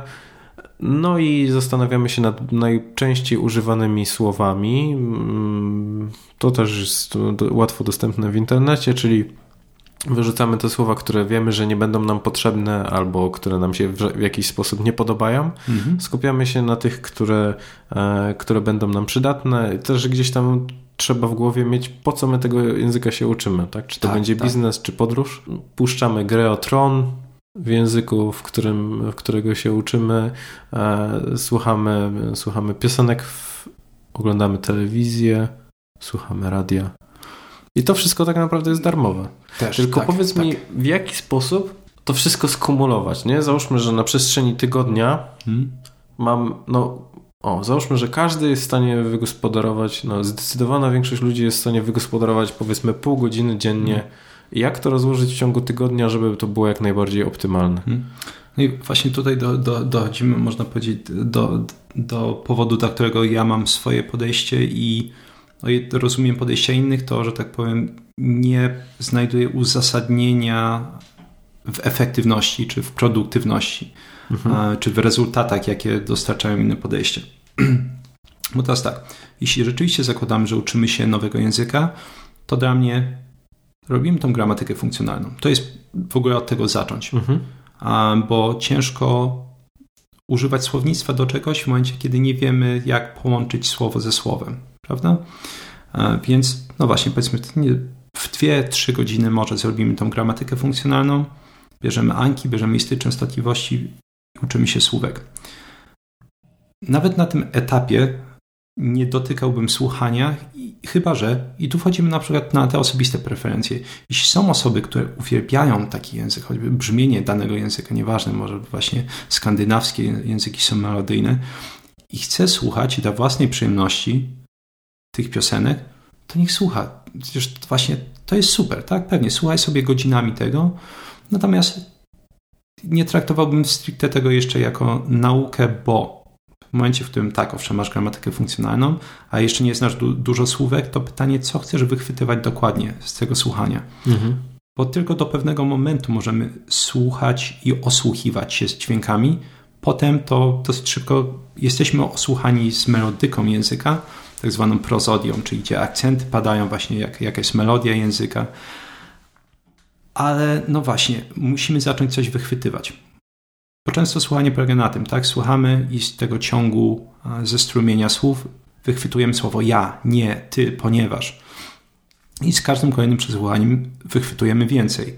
Natomiast jeśli w ogóle tych słów mamy 100, co chcemy wychwytywać? W sensie możemy słuchać 100 godzin nawet, ale nie będziemy wychwytywać dużo więcej, póki nie będziemy mieli więcej słów. To, co ja robię najczęściej, to jest uczę się do tych 3000 słów Oczywiście po tysiącu polecam już zacząć trochę słuchać. Tak naprawdę w większości słuchania polecam wszystkim, którzy przekroczą 2000 słów.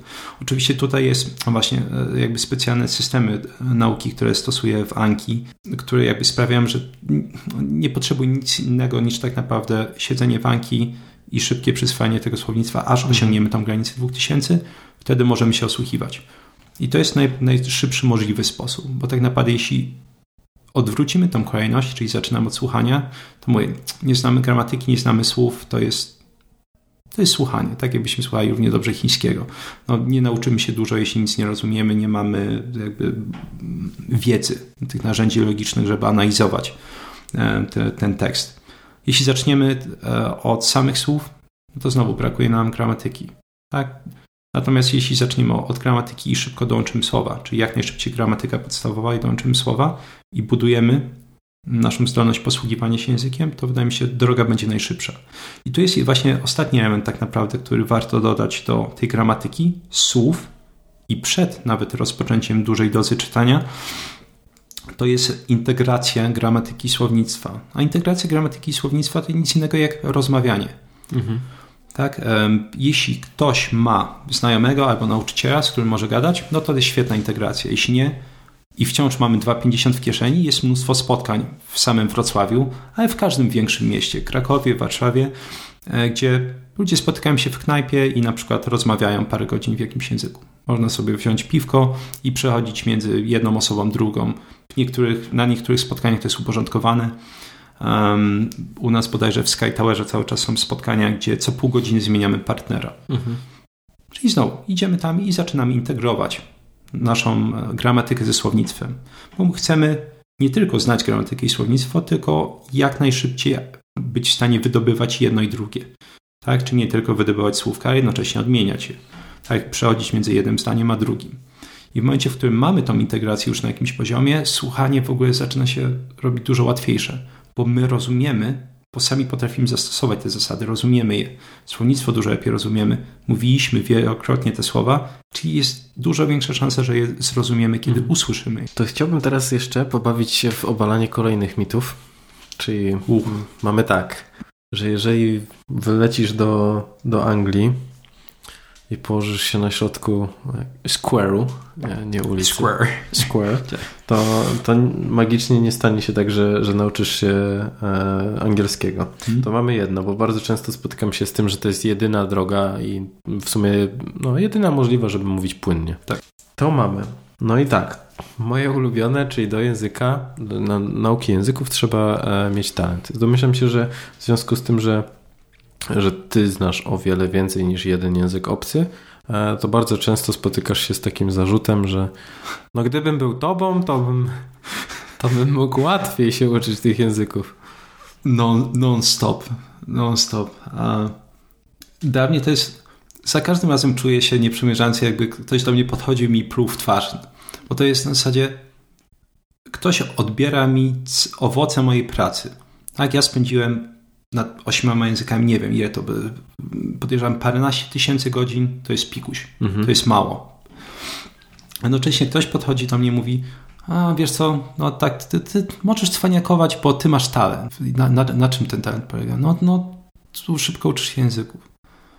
Nie, nie, w sensie owszem, tak, teraz uczę się błyskawicznie języków, ale zaczęło się od takich bardzo nieśmiałych prób. Tak? U mnie na przykład to było typowo angielski wiele, wiele lat w szkołach językowych, różnego rodzaju kursach. Potem stwierdziłem, ok, niemiecki.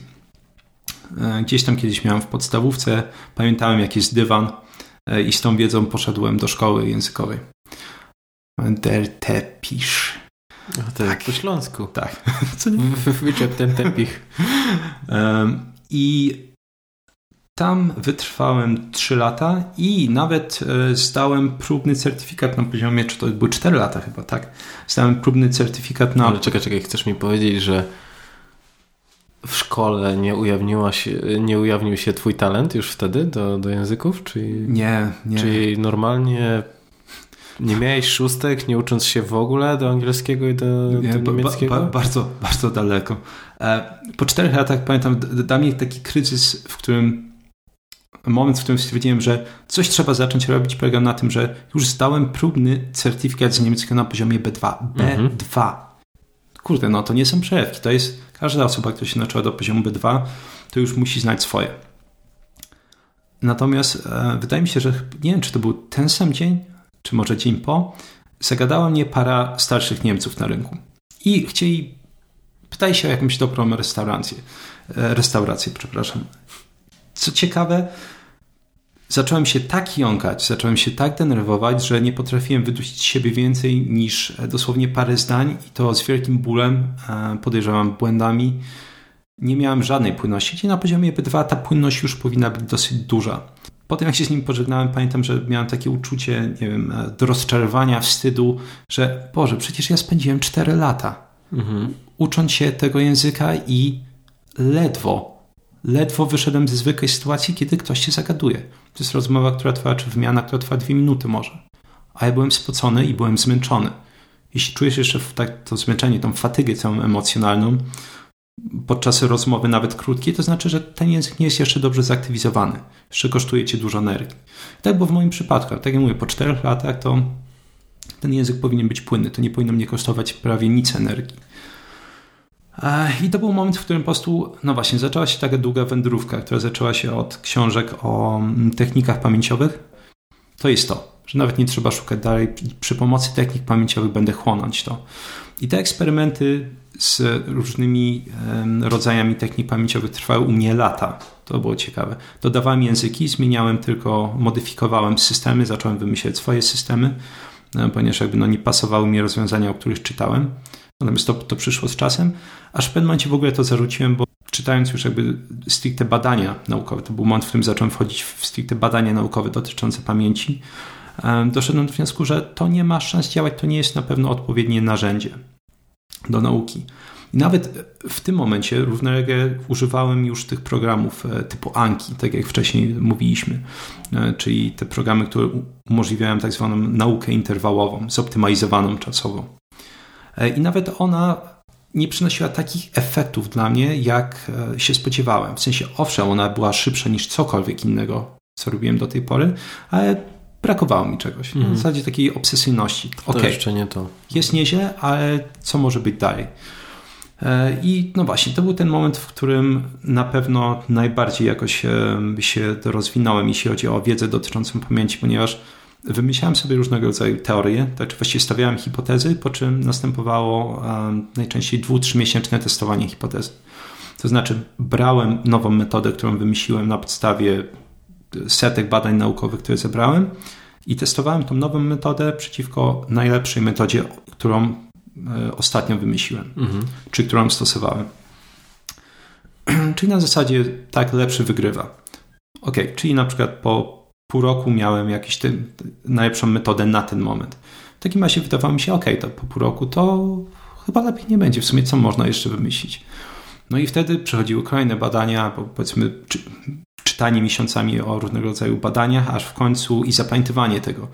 No było też ciekawe, że po prostu ta moja obsesyjność, że czasami zapamiętywałem różnego rodzaju definicje, słowa, wyniki badań, które same w sobie nie, nie miały sensu, ale w momencie, w którym jakby zapamiętało się w końcu 15 informację, one wszystkie szczepiały się w jakiś koncept. Mhm. W logiczną całość to było, a, przecież to dlatego nie mogło działać. Natomiast to właśnie trwało dosyć długo i tak jak mówię, to była metoda po, po, metodzie. To nie było, że czuję, że ta metoda jest lepsza, tylko ok, testujemy statystycznie hipotezę. O ile lepiej będę zapamiętywać w ten sposób.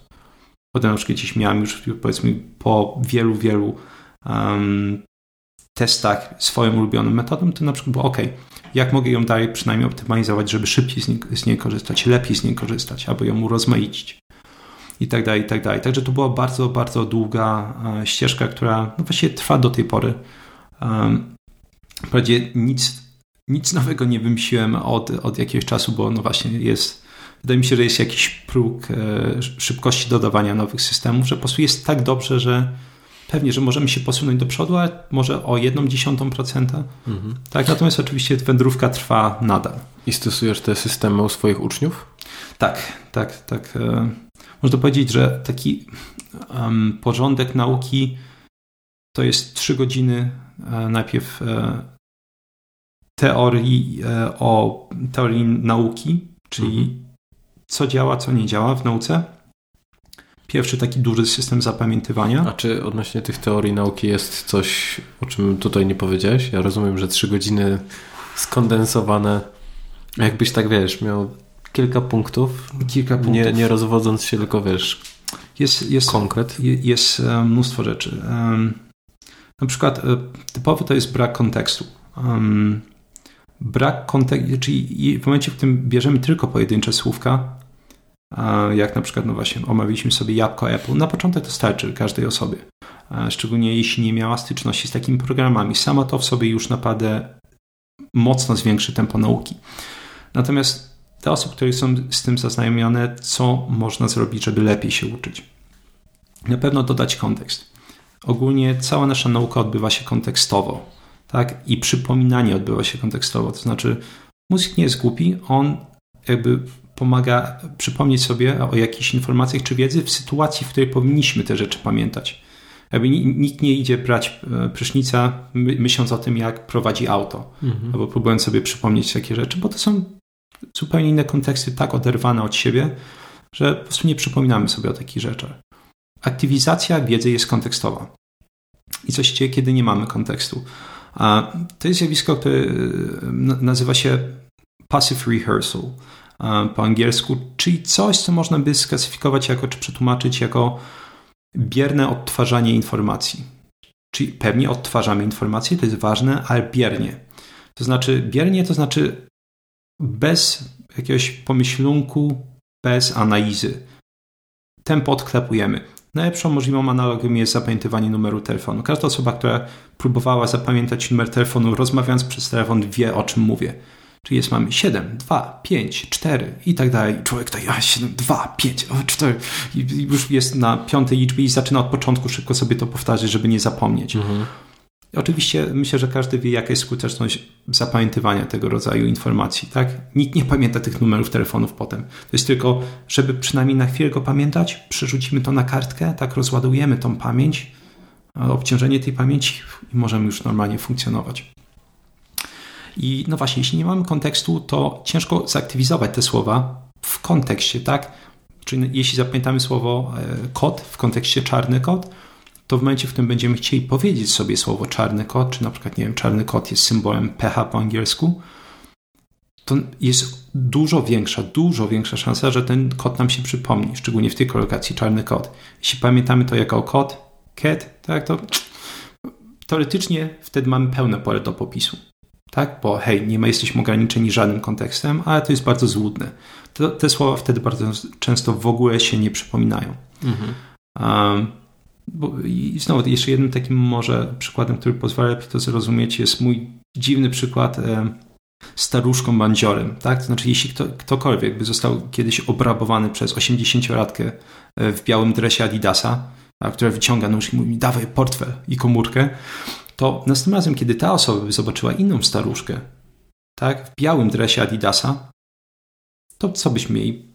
Reakcję strachu najprawdopodobniej, takie, o mój Boże, znalazła mnie znowu. Człowiek mhm. już wyciąga portfel i komórkę, prawda, na wszelki wypadek.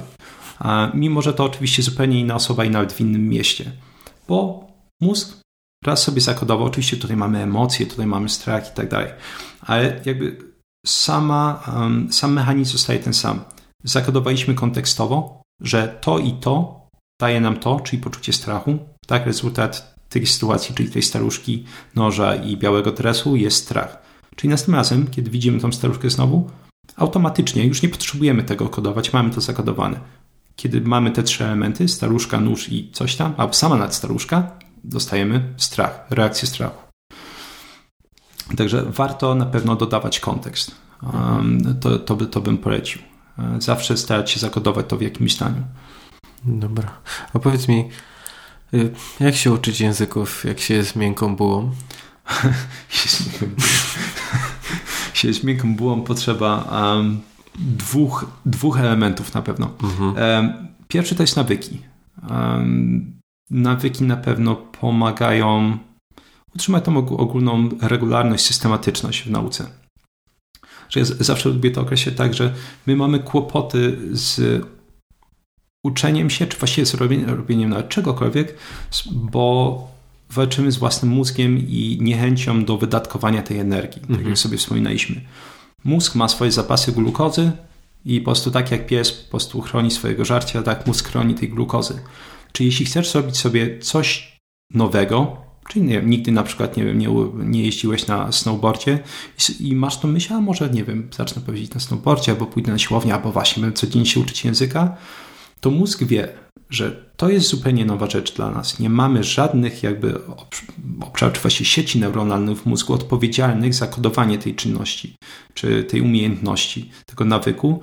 Tym samym to będzie nas kosztować mnóstwo energii, ponieważ nawyk, ja zawsze to określam w ten sposób, to jest właśnie ustabilizowana sieć neuronalna. Duża sieć neuronalna, w której neurony są dosyć dobrze owinięte tak zwaną osłonką mielinową. To jest jak izolacja na kablu. Im ta osłonka jest grubsza, tym impuls elektryczny przepływa szybciej. Jeśli on przepływa szybko, to energia, tak, która przechodzi po prostu od jednego neuronu, od jednej synapsy do drugiej, nie rozprasza się. Czyli innymi słowy, ta czynność jest efektywna. Potrzebujemy, potrzebujemy mało energii, żeby ją wykonać. Im częściej powtarzamy jakąś czynność, tym te osłonki stają się większe. Czyli im częściej coś robimy, tym większa szansa, że to będzie nas kosztować mniej energii. Zresztą są nawet takie pomiary aktywności elektrycznej przy, um, przy robieniu czynności, w sensie badania na ten temat i rzeczywiście one bardzo ładnie to pokazują. Um, więc jeśli chcielibyśmy po prostu pokonać ten opór mózgu, że o, okej, okay, to trzy razy w tygodniu siłka, a mózg wytwarza ci ten opór wewnętrzny taki i nagle zaczynasz czuć, nie, może nie. Mhm. Albo ta racjonalizacja wchodzi, tak? To jest mm, taki nieświadomy sposób działania mózgu, że daj sobie spokój. Tak? E, to warto znowu zminimalizować um, powiedział, energię aktywacyjną czynności, którą chcemy robić, czyli oszukać poniekąd mózg jeśli na przykład powiemy sobie trzy razy w tygodniu siłownia i czujemy automatycznie ten opór w środku, nie ekscytację, tylko opór, to jest mała szansa, że wytrwamy. Jak ja znajdę na to czas. Dokładnie. Przecież dojechać. Hmm. Poza nie znam ludzi. I tak fantastycznie wyglądasz. To nie to jest takie. A, dziękuję. Nie, nie, nie, ma, nie ma zupełnie sensu. Um, tak, zawsze właśnie to jest e, no to jest nic innego jak racjonalizacja, tak? Mhm. Często nawet wydaje mi się, sami w to nie wierzymy, ale z drugiej strony, jeśli to pozwala e, łagodzić dysonans poznawczy między tym, że tak naprawdę jesteś obrzydliwie leniwy, gardzę tobą. Nikt nie chce tego usłyszeć, od, szczególnie od siebie, więc jest, mhm. a nie, no rzeczywiście, wiesz co, wiesz co, nie mam czasu. Jak nie mam czasu, to może za tydzień, na miesiąc. Więc no właśnie, żeby zminimalizować ten opór, musimy wyczuć granicę, a można to zaraz wytłumaczyć, jak łatwo zrobić, poniżej której, a, znaczy częstotliwość wykonania czynności, poniżej której jakby mózg nie rodzi tego oporu. Czyli na przykład mówimy sobie trzy razy w tygodniu na siłowni i czujemy w środku takie, yy, to nie. Spróbujmy dwa razy w tygodniu sobie powiedzieć, dwa razy w tygodniu i może już opór jest mniejszy w środku. Mhm. Albo raz w tygodniu. Albo na przykład przysłówka, tak? Siedem razy w tygodniu godzina i właśnie ten opór taki koszmarny w środku, to może nie. To no, jeśli jest taki opór, to mała szansa, że wytrwamy w tym postanowieniu dłuższy czas. Ale szukamy, szukamy, powiedzmy. Czyli iść od góry? Tak. Czyli w momencie, kiedy czujemy opór, obniżamy trochę, sprawdzamy, czy czujemy opór. Tak. Aż do momentu, kiedy? ten opór jest minimalny, albo nawet go nie ma, bo y, wydaje się to absurdalne, że takie, hej, wystarczy co? Sama intencja, sama myśl, żeby mózg zaczął wytwarzać ten opór? Tak. Wyobraźcie sobie wykonywanie czynności nowej jakiejś, no, mówię, nowy sport, nowe hobby, szydełkowanie, cokolwiek to by nie było e, i narzućcie sobie dużą częstotliwość albo intensywność tego. Mhm. Bardzo często będzie tak, że nie będziecie chcieli tego robić, ale teraz można łatwo sobie wyobrazić to. Trzy razy w tygodniu na siłowni było za dużo. E, może raz w tygodniu na siłowni. Może tutaj już oporu nie ma. U niektórych pewnie nie będzie. Różnimy się na pewno, tak? ale może wciąż jest. Ja na przykład siłowni nie lubię, e, nie wiem, czy się przekonam do tego, ponieważ dla mnie samo myślenie o siłowni rodzi opór na zasadzie, ok, lubię efektywnie wykorzystywać czas. Nawet jeśli siłownię mam 15 czy 20 minut od domu, to 20 minut iść na siłownię, potem patrzeć na kolesi, którzy całują swoje bicepsy podnosząc te ciężary. Jakoś tak, widziałem to. Do tej pory mam traumę. Mm, mm nie zapomina się tak. A może dzięki temu, wiesz, one rzeczywiście rosną lepiej. Ja nie, ja nie kwestionuję, prawda? Jak się całuje, to się pielęgnuje. A, ale... Najgorsze hasło reklamowe ever. Tak czy siak, 20 e, minut e, potem z powrotem i okazuje się, że ok, 40 minut ja muszę spędzić w drodze. Mhm Pewnie, że mogę sobie powiedzieć, a mogę, wykorzystam to efektywnie, a może sobie posłucham, a z drugiej strony danie jest pytanie, czy, czy ja mogę zrobić cały trening tak, przy pomocy na przykład e, ciężaru w domu i ciężaru własnego ciała w 40 minut? I odpowiedź jest tak. Absolutnie. Mhm. Tak? Bo warto zauważyć, jaka jest energia aktywacyjna potrzebna do ćwiczeń w domu. No, do robienia pompek. Powiedział zerowa. Potrzebujesz podłogi. Tak jak ktoś nie, ktoś nie jest pijany, to podłoga zawsze się znajdzie. Mhm. Tym samym dosłownie wystarczy sama intencja często i okej. Okay. Można zacząć od tego. Powiedzmy, w takim razie 10 pompek dziennie. Okej, okay, może nawet tu jest opór. To w takim razie schodźmy co, dwie pompki dziennie i nagle nie ma oporu. W takim razie zacznijmy i na przykład co 2-3 dni zróbmy sobie dwie pompki. Tak? Albo nawet codziennie. Tak? Aż w pewnym momencie zaczynamy tworzyć nawyk. I energia, którą potrzebowaliśmy na początku, żeby zrobić dwie pompki, za dwa tygodnie będzie potrzebna już, czy e, możemy ją zużytkować na zrobienie pięciu pompek. Tak? Sygnały coraz bardziej wartko przepływają, te impulsy elektryczne. Po kolejnych dwóch tygodniach, na przykład to, co nas przerażało na początku, czyli pięć słówek dziennie, teraz tej samej energii potrzebujemy, żeby uczyć się już 10 słówek dziennie. Po kolejnych dwóch miesiącach, na przykład, żeby uczyć się 20 słówek dziennie. Tym samym im dłużej coś robimy, tym mniejsza szansa, że to nas będzie kosztować energii. Jednocześnie, jeśli mamy nawyk, już to dodatkowo do, dochodzą e, wyrzuty dopaminy, tak? Po prostu jakby hormonalnie, na poziomie hormonalnym zaczyna nam to sprawiać radość. Mhm. Także my to wykonujemy. Zwłaszcza, że często, no nieważne czy ćwiczymy, czy się uczymy, widzimy efekty tego, człowiek czuje się szczęśliwszy. Tak, jest tylko kłopot z rozpoczęciem głównie. Więc mówię, rozpocznijmy minimalizując energię aktywacyjną czynności. Mhm. I potem coraz więcej tak. jakby intensyfikujemy ten wysiłek. Tak, także to jest na pewno, na pewno pierwszy sposób. Dobra. Jeśli jest się miękką bułą. A, A drugi? Drugi jest e, trochę bardziej agresywny, w sensie jest na pewno e, bardzo, bardzo skuteczny, natomiast e, wiem, że jest u wielu osób opór. Mianowicie, co to jest za metoda? Zakłady. To jest coś, co, o czym przeczytałem już nie pamiętam nazwy bloga angielskiego parę lat temu i coś, czego używam do tej pory. Mianowicie Sprawa wygląda tak, że jeśli nie mamy żadnej, niczego na szali, żadnej stawki, jeśli chodzi o wykonywanie czynności, to bardzo często damy sobie spokój w momencie, w którym czujemy pierwszy dyskomfort albo pierwszy większy dyskomfort. No bo z drugiej strony właśnie, jeśli nikt na nas nie krzyknie, nie mamy jakiegoś dodatkowej, dodatkowego bodźca, to pytanie po co? Mhm. Więc dla mnie jest prosty sposób obejścia tego. Jeszcze zanim, może tak, zanim wytłumaczę samą metodę, Osobiście badania, e, badania pokazują, że motywacja pozytywna nie jest skuteczna specjalnie. Dlatego pewnie, że można jakoś klepać w ramię i mówić świetnie ci idzie, albo 10 zł za piątkę, a ona jest, nie jest e, skuteczna na dłuższą metę z prostego powodu. W pewnym momencie, jeśli brakuje tego bodźca pozytywnego, czyli 10 zł, klepnięcia w ramię, świetnie ci idzie, tak, pozytywnych słów, to człowiek zaczyna czuć takie, no to po co to? Mhm. Tak, natomiast z drugiej strony um, też jest motywacja negatywna, która też uważam działa lepiej, ale na dłuższą metę też krzywdzi. Tak? My jesteśmy napędzani między innymi, żeby tak czerpać przyjemności, a jednocześnie unikać bólu i cierpienia. Więc jeśli będziemy mieć kary, to oczywiście unikamy bólu i cierpienia i zawsze wolimy uniknąć bólu niż cierpienia, niż dostać coś pozytywnego. Mhm. Tak? Tak, dużo więcej osób, powiedzmy, zrobi, bardziej się postara, żeby uniknąć, e, nie wiem, złamania nogi, czyli na przykład 20 słówek do jutra albo złamie ci nogę, niż jeśli nauczy się 20 słówek do jutra, to dam ci batonika. W sensie, batonik jest fajny, ale z drugiej strony, tak, jeśli mam coś stracić, nawet choćby batonika, to bardziej unikniemy, chcemy uniknąć tej straty i bólu, niż dostać coś pozytywnego. Bo nawet na logikę, jeśli pozytywne bodźce by były takie świetne, jak to kiedyś przeczytałem, to jest fajne porównanie, każdy byłby milionerem z sześciopakiem. E, bo wiemy, że jeśli będziemy ćwiczyć regularnie, to każdy będzie, tak będziemy świetnie wyglądać. Jeśli będziemy się uczyć regularnie, tak, podejmować ryzyko i tak dalej, to będziemy zarabiać świetnie. Czyli koniec końców wiemy, że na dłuższą metę nasz wysiłek zostanie nagrodzony. Praktycznie mhm. zawsze. Natomiast ile osób to robi? Prawda? Bo kłopot polega na tym, to jest tak odwleczone w czasie. Pozytywne aspekty, jakieś efekty są tak odwleczone często w czasie, że nie, nie, nie czujemy, że to jest coś rzeczywistego. Tak? Rzeczywista jest paczka chipsów na sofie za 10 minut. Tak? Nie to, że za, jeśli będę się uczyć codziennie, przez trzy miesiące, to będę w stanie odbyć pierwsze rozmowy w języku. Mhm.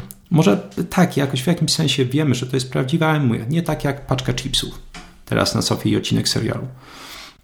Także, tak jak mówię, ani pozytywna, ani negatywna nie działa, tak? Bo nikt z kolei przy negatywnej nie lubi być krzywdzony na dłuższą metę. Ale świetnym rozwiązaniem jest e, motywacja negatywno-pozytywna. Ja to przynajmniej tak nazywam. Wątpię, że była jakaś klasyfikacja tego mhm. naukowa. I ona dla mnie się uaktywnia w postaci, kiedy motywujemy się przy postaci zakładów. Zakłady działają w prosty sposób. Mianowicie, potrzebujesz jakiegoś celu. Mm, możemy sobie założyć na przykład, drogi słuchaczu, że chcesz się uczyć 10 słówek dziennie i czujesz nawet jak mówisz 10 słów dziennie, to jest jakiś spory opór, albo przynajmniej jakiś opór, zwłaszcza, że jeśli nie robiłeś tego nigdy wcześniej. Więc mamy jakiś cel. Cel nie powinien być zbyt niski um, przy zakładach. To powinno być coś, co cię trochę wysili, a jednocześnie nie zmarnuje, że na koniec dnia będziesz umierać i, płakać krwią. E, czyli dosyć wymagający cel, ale nie zbyt. To jest pierwsza rzecz. Druga, potrzebujemy osoby, z którą się założymy. Tak, to powinna być osoba, która wiemy, że nas dyscyplinuje i sprawdzi ten zakład, czy wykonałeś to, o co się założyłeś. A... I nie poklepie po ramieniu, jak o, próbowałeś, tak. więc tak. niech ci będzie, nie musisz spłacać tego zakładu. Partnerzy, wydaje mi się, że najczęściej partnerzy są fatalni, um, jeśli chodzi o partnerów zakładowych, ponieważ załóżmy, że no właśnie, przegrało się zakład e, z żoną, i on tak naprawdę powie, hmm, teraz wisisz mi trzy dychy. No tak. Prawda? Nie, znaczy często krepnie cię w ramię, pocałuje w policzek, świetnie ci poszło. Mhm. Wiesz, to najważniejsze, że się starałeś. Nie, nie chcesz partnera, który ci powie, świetnie się starałeś, tylko płacisz za mój obiad frajerze. Mhm. Prawda? Chcemy no właśnie, kogoś, kto nas zdyscyplinuje, albo nawet kogoś, kto będzie działać na nas w ten sposób, że chcemy uniknąć tej, tej satysfakcji drugiej strony, przegrywając. I właśnie, tutaj dochodzimy do czwartego punktu, czyli kara. Potrzebujemy, potrzebujemy czegoś, co postawimy na szali. Mamy parę rodzajów bodźców. Na pewno pieniądze. Pieniądze to jest świetny bodziec. E, niektórzy ideiści mi czasami mówią, a wiesz co, nie, pieniądze nie motywują. To jest dosyć śmieszne, bo mówię, słuchaj, to nie jest to, że pieniądze cię nie motywują, odpowiednia kwota cię nie motywuje. Mhm. Jeśli ktoś zarabia 4 tysiące albo 6 tysięcy miesięcznie, zakład to 5 zł, to nie jest zakład ból towarzyszący przegranemu zakładowi jest żaden, tak? Czyli w tym sensie, tak, w tej sytuacji to cię nie motywuje. To załóż się o 300 zł. To już Czyli tak samo trzeba znaleźć tą granicę pieniężną, jak w, jak w momencie, kiedy ustalamy, co dla nas jest ciężkie, tak jak z liczbą ilości, znaczy dni, w których chcemy chodzić na siłownię. Fantastyczna, tak, fantastyczna uwaga. Trzeba znaleźć tutaj z kolei jakąś swoją granicę bólu to znaczy coś, co oczywiście to nie jest tak, że, żeby, chodzi o to, żeby zakład nas potencjalnie zrujnował, ale musimy wyczuć um, taką stawkę zakładu, która nas zaboli. Mhm. Nie chcemy po prostu wzruszyć ramionami, tak, okej, okay, dobra, przegrałem dwie dychy, tak, nie ruszę, nie to w ogóle. Um, Także pieniądze na pewno, bym powiedział, to jest, to jest klasyk i szczerze mówiąc pieniądze są o tyle fajne, e, że liczba chętnych do dyscyplinowania cię, e, jeśli założysz się z nimi, jest olbrzymia. Każdy mhm. będzie chciał, ok, czyli co, ja nie muszę nic robić, tylko mam sprawdzić, czy zrobiłeś to albo tamto, a jak nie, to dostaję kasę? Pff, spoko. Tak? Wydaje mi się, że nie jest ciężko znaleźć taką osobę, ale to nie musi być jedyna rzecz. Możemy sobie, to jest druga rzecz, zrobić coś żenującego. Albo coś, czego nie lubimy. Trzecia rzecz. Ja nienawidzę gotować. Dla mnie na przykład e, potencjalnie dobrym zakładem by było gotuję obiad, czego praktycznie nie umiem zrobić, nie licząc jakichś zupełnie, zupełnie podstawowych dań. Więc jeśli nasza by było robienie obiadu, to prawdopodobnie to jest coś, co no, na wielu poziomach bardziej mnie zaboi niż 200 albo 300 zł. Jeśli chodzi o coś żenującego, um, świetnym przykładem jest uh, też jeden z adwokatów tej metody, Tim Ferriss, um, jeden z takich na pewno najpopularniejszych uh, autorów, jeśli chodzi o, o produktywność, um, powiedzmy on w pewnym momencie, to jest facet, który wygląda jak góra, tak? Większą część życia sporty siłowe uprawia, różnego rodzaju sporty walki. A w pewnym momencie stwierdził, że chciałby pójść na jogę, żeby się rozwinąć, jakby horyzonty, żeby może się porozciągać, żeby zrobić coś nowego też. I walczył z tą myślą, a jakoś nie mógł się przekonać, żeby te zajęcia w jogi tam trwały parę miesięcy bodajże i to było trzy razy w tygodniu. No i w końcu stwierdził, że no, sam się nie zmusi. Po prostu zbyt dużo wymówek racjonalizacji. Założy się ze swoim dobrym kolegą mhm. o to, że będzie trzy razy w tygodniu e, na tej sali. To jest świetne zastosowanie mechanizmu minimalnej energii aktywacyjnej.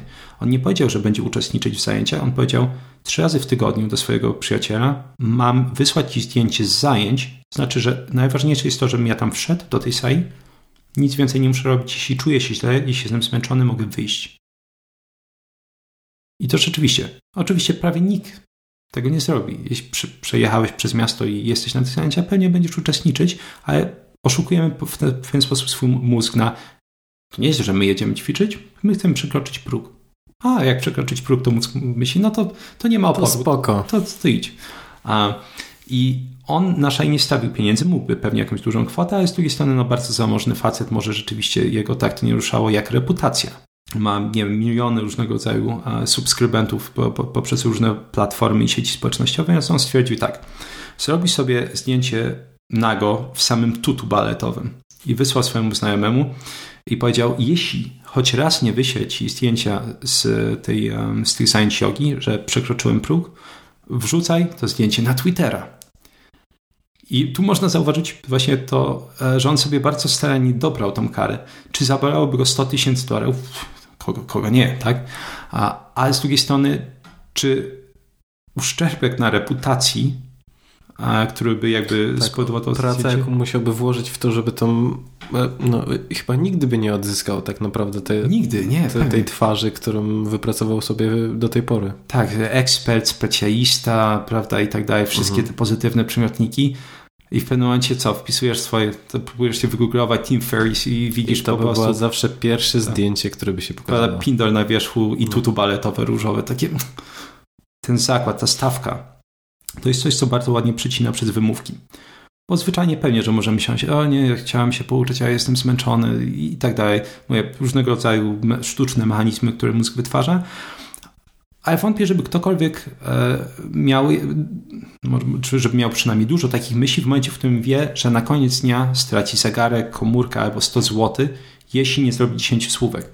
To pewnie jesteśmy racjonalni, jesteśmy logiczni, więc myślimy, ok, jeśli to jest tylko zrobienie nie wiem, 20 pompek albo 10, zrobienie 10 słówek, czemu, czemu tego nie zrobić? Czy to jest, mhm. czy kara jest warta mojego lenistwa?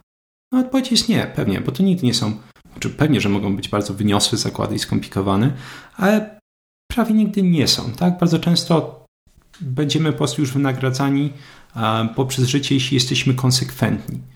Tak, nawet jeśli ktoś nie ma super systemu nauki języka, mogę zagwarantować, jeśli będzie się uczyć codziennie przez 2-3 lata, ten język nauczy się komunikatywnie, tak? Nie trzeba przerzucać na siłowni tony żelastwa, tak, żeby na przykład dobrze wyglądać znowu. Wystarczy, że no właśnie będziesz regularnie chodzić przez dwa lata i na pewno będziesz już dobrze wyglądać. I tak dalej, i tak dalej. Także na pewno te stawki, te zakłady przecinają jak po prostu nóż przez masło, przez, przez te wymówki i racjonalizację. Dobra, czyli chcemy się uczyć 10 słówek. Tak zakładamy się z osobą, która będzie bezlitosna. Jeżeli nie macie takiej osoby, to ja albo Bartek chętnie wam pomożemy. Jak najbardziej. Pisać, pisać po prostu. Zakładamy się o coś, po czego, znaczy jeżeli to stracimy, to, to no ta strata będzie dla nas niekorzystną albo bolesną, czyli albo większe kwoty pieniędzy niż 10 zł, mhm jakaś, jakiś uszczerbek na, na, naszej, na naszym cudownym wizerunku. Dobrobycie psychicznym. Dobrobycie psychicznym. Albo rzeczy, z którymi jesteśmy emocjonalnie związani i jasno określamy, o co się zakładamy. Żeby to było mocno Jak najbardziej. sformalizowane. I jeszcze mamy dwa, dwa elementy. Potrzebujemy jeszcze horyzontu czasowego zakładu, mhm. bo chcemy wiedzieć, czy zakład zostanie, czy ma być zrealizowany w przeciągu jednego dnia, czy tygodnia, czy miesiąca. Oczywiście tak naprawdę ja zawsze mówię, horyzont czasowy to powinien być jeden dzień, bo chcemy zdezaktywować ten system obronny mózgu lenistwo po prostu, że ok, jeśli to jest miesiąc, to jeszcze mam czas na zrobienie tego. Nie, chcemy, żeby kara była jak najbardziej bliska nam, to znaczy koniec dnia choćby. Także horyzont czasowy, mówię najlepiej jeden dzień, nawet jeśli macie duży projekt, o który chcecie zrealizować, warto rozbić projekt na małe części, i zakładać się o każdą część osobno. Także można wszystko dokonać przy pomocy tego systemu. Mhm. I ostatnia rzecz to potrzebujemy sprawdzenia tego. Potem jest nasz zakład, e, czy właściwie ten partner zakładowy, żeby sprawdzić to. To znaczy, musimy ustalić na koniec, jak dostarczymy dowodów wykonania. Czyli pewnie możemy się lubić z, na przykład naszym partnerem, to może być nasz brat, nie wiem, ojciec czy najlepszy przyjaciel, ale nic na gębę. Znaczy, jeśli założyłeś się o pompki, hej, możesz nagrać na przykład e, choćby filmik z komórki, jak robisz mhm. te pompki.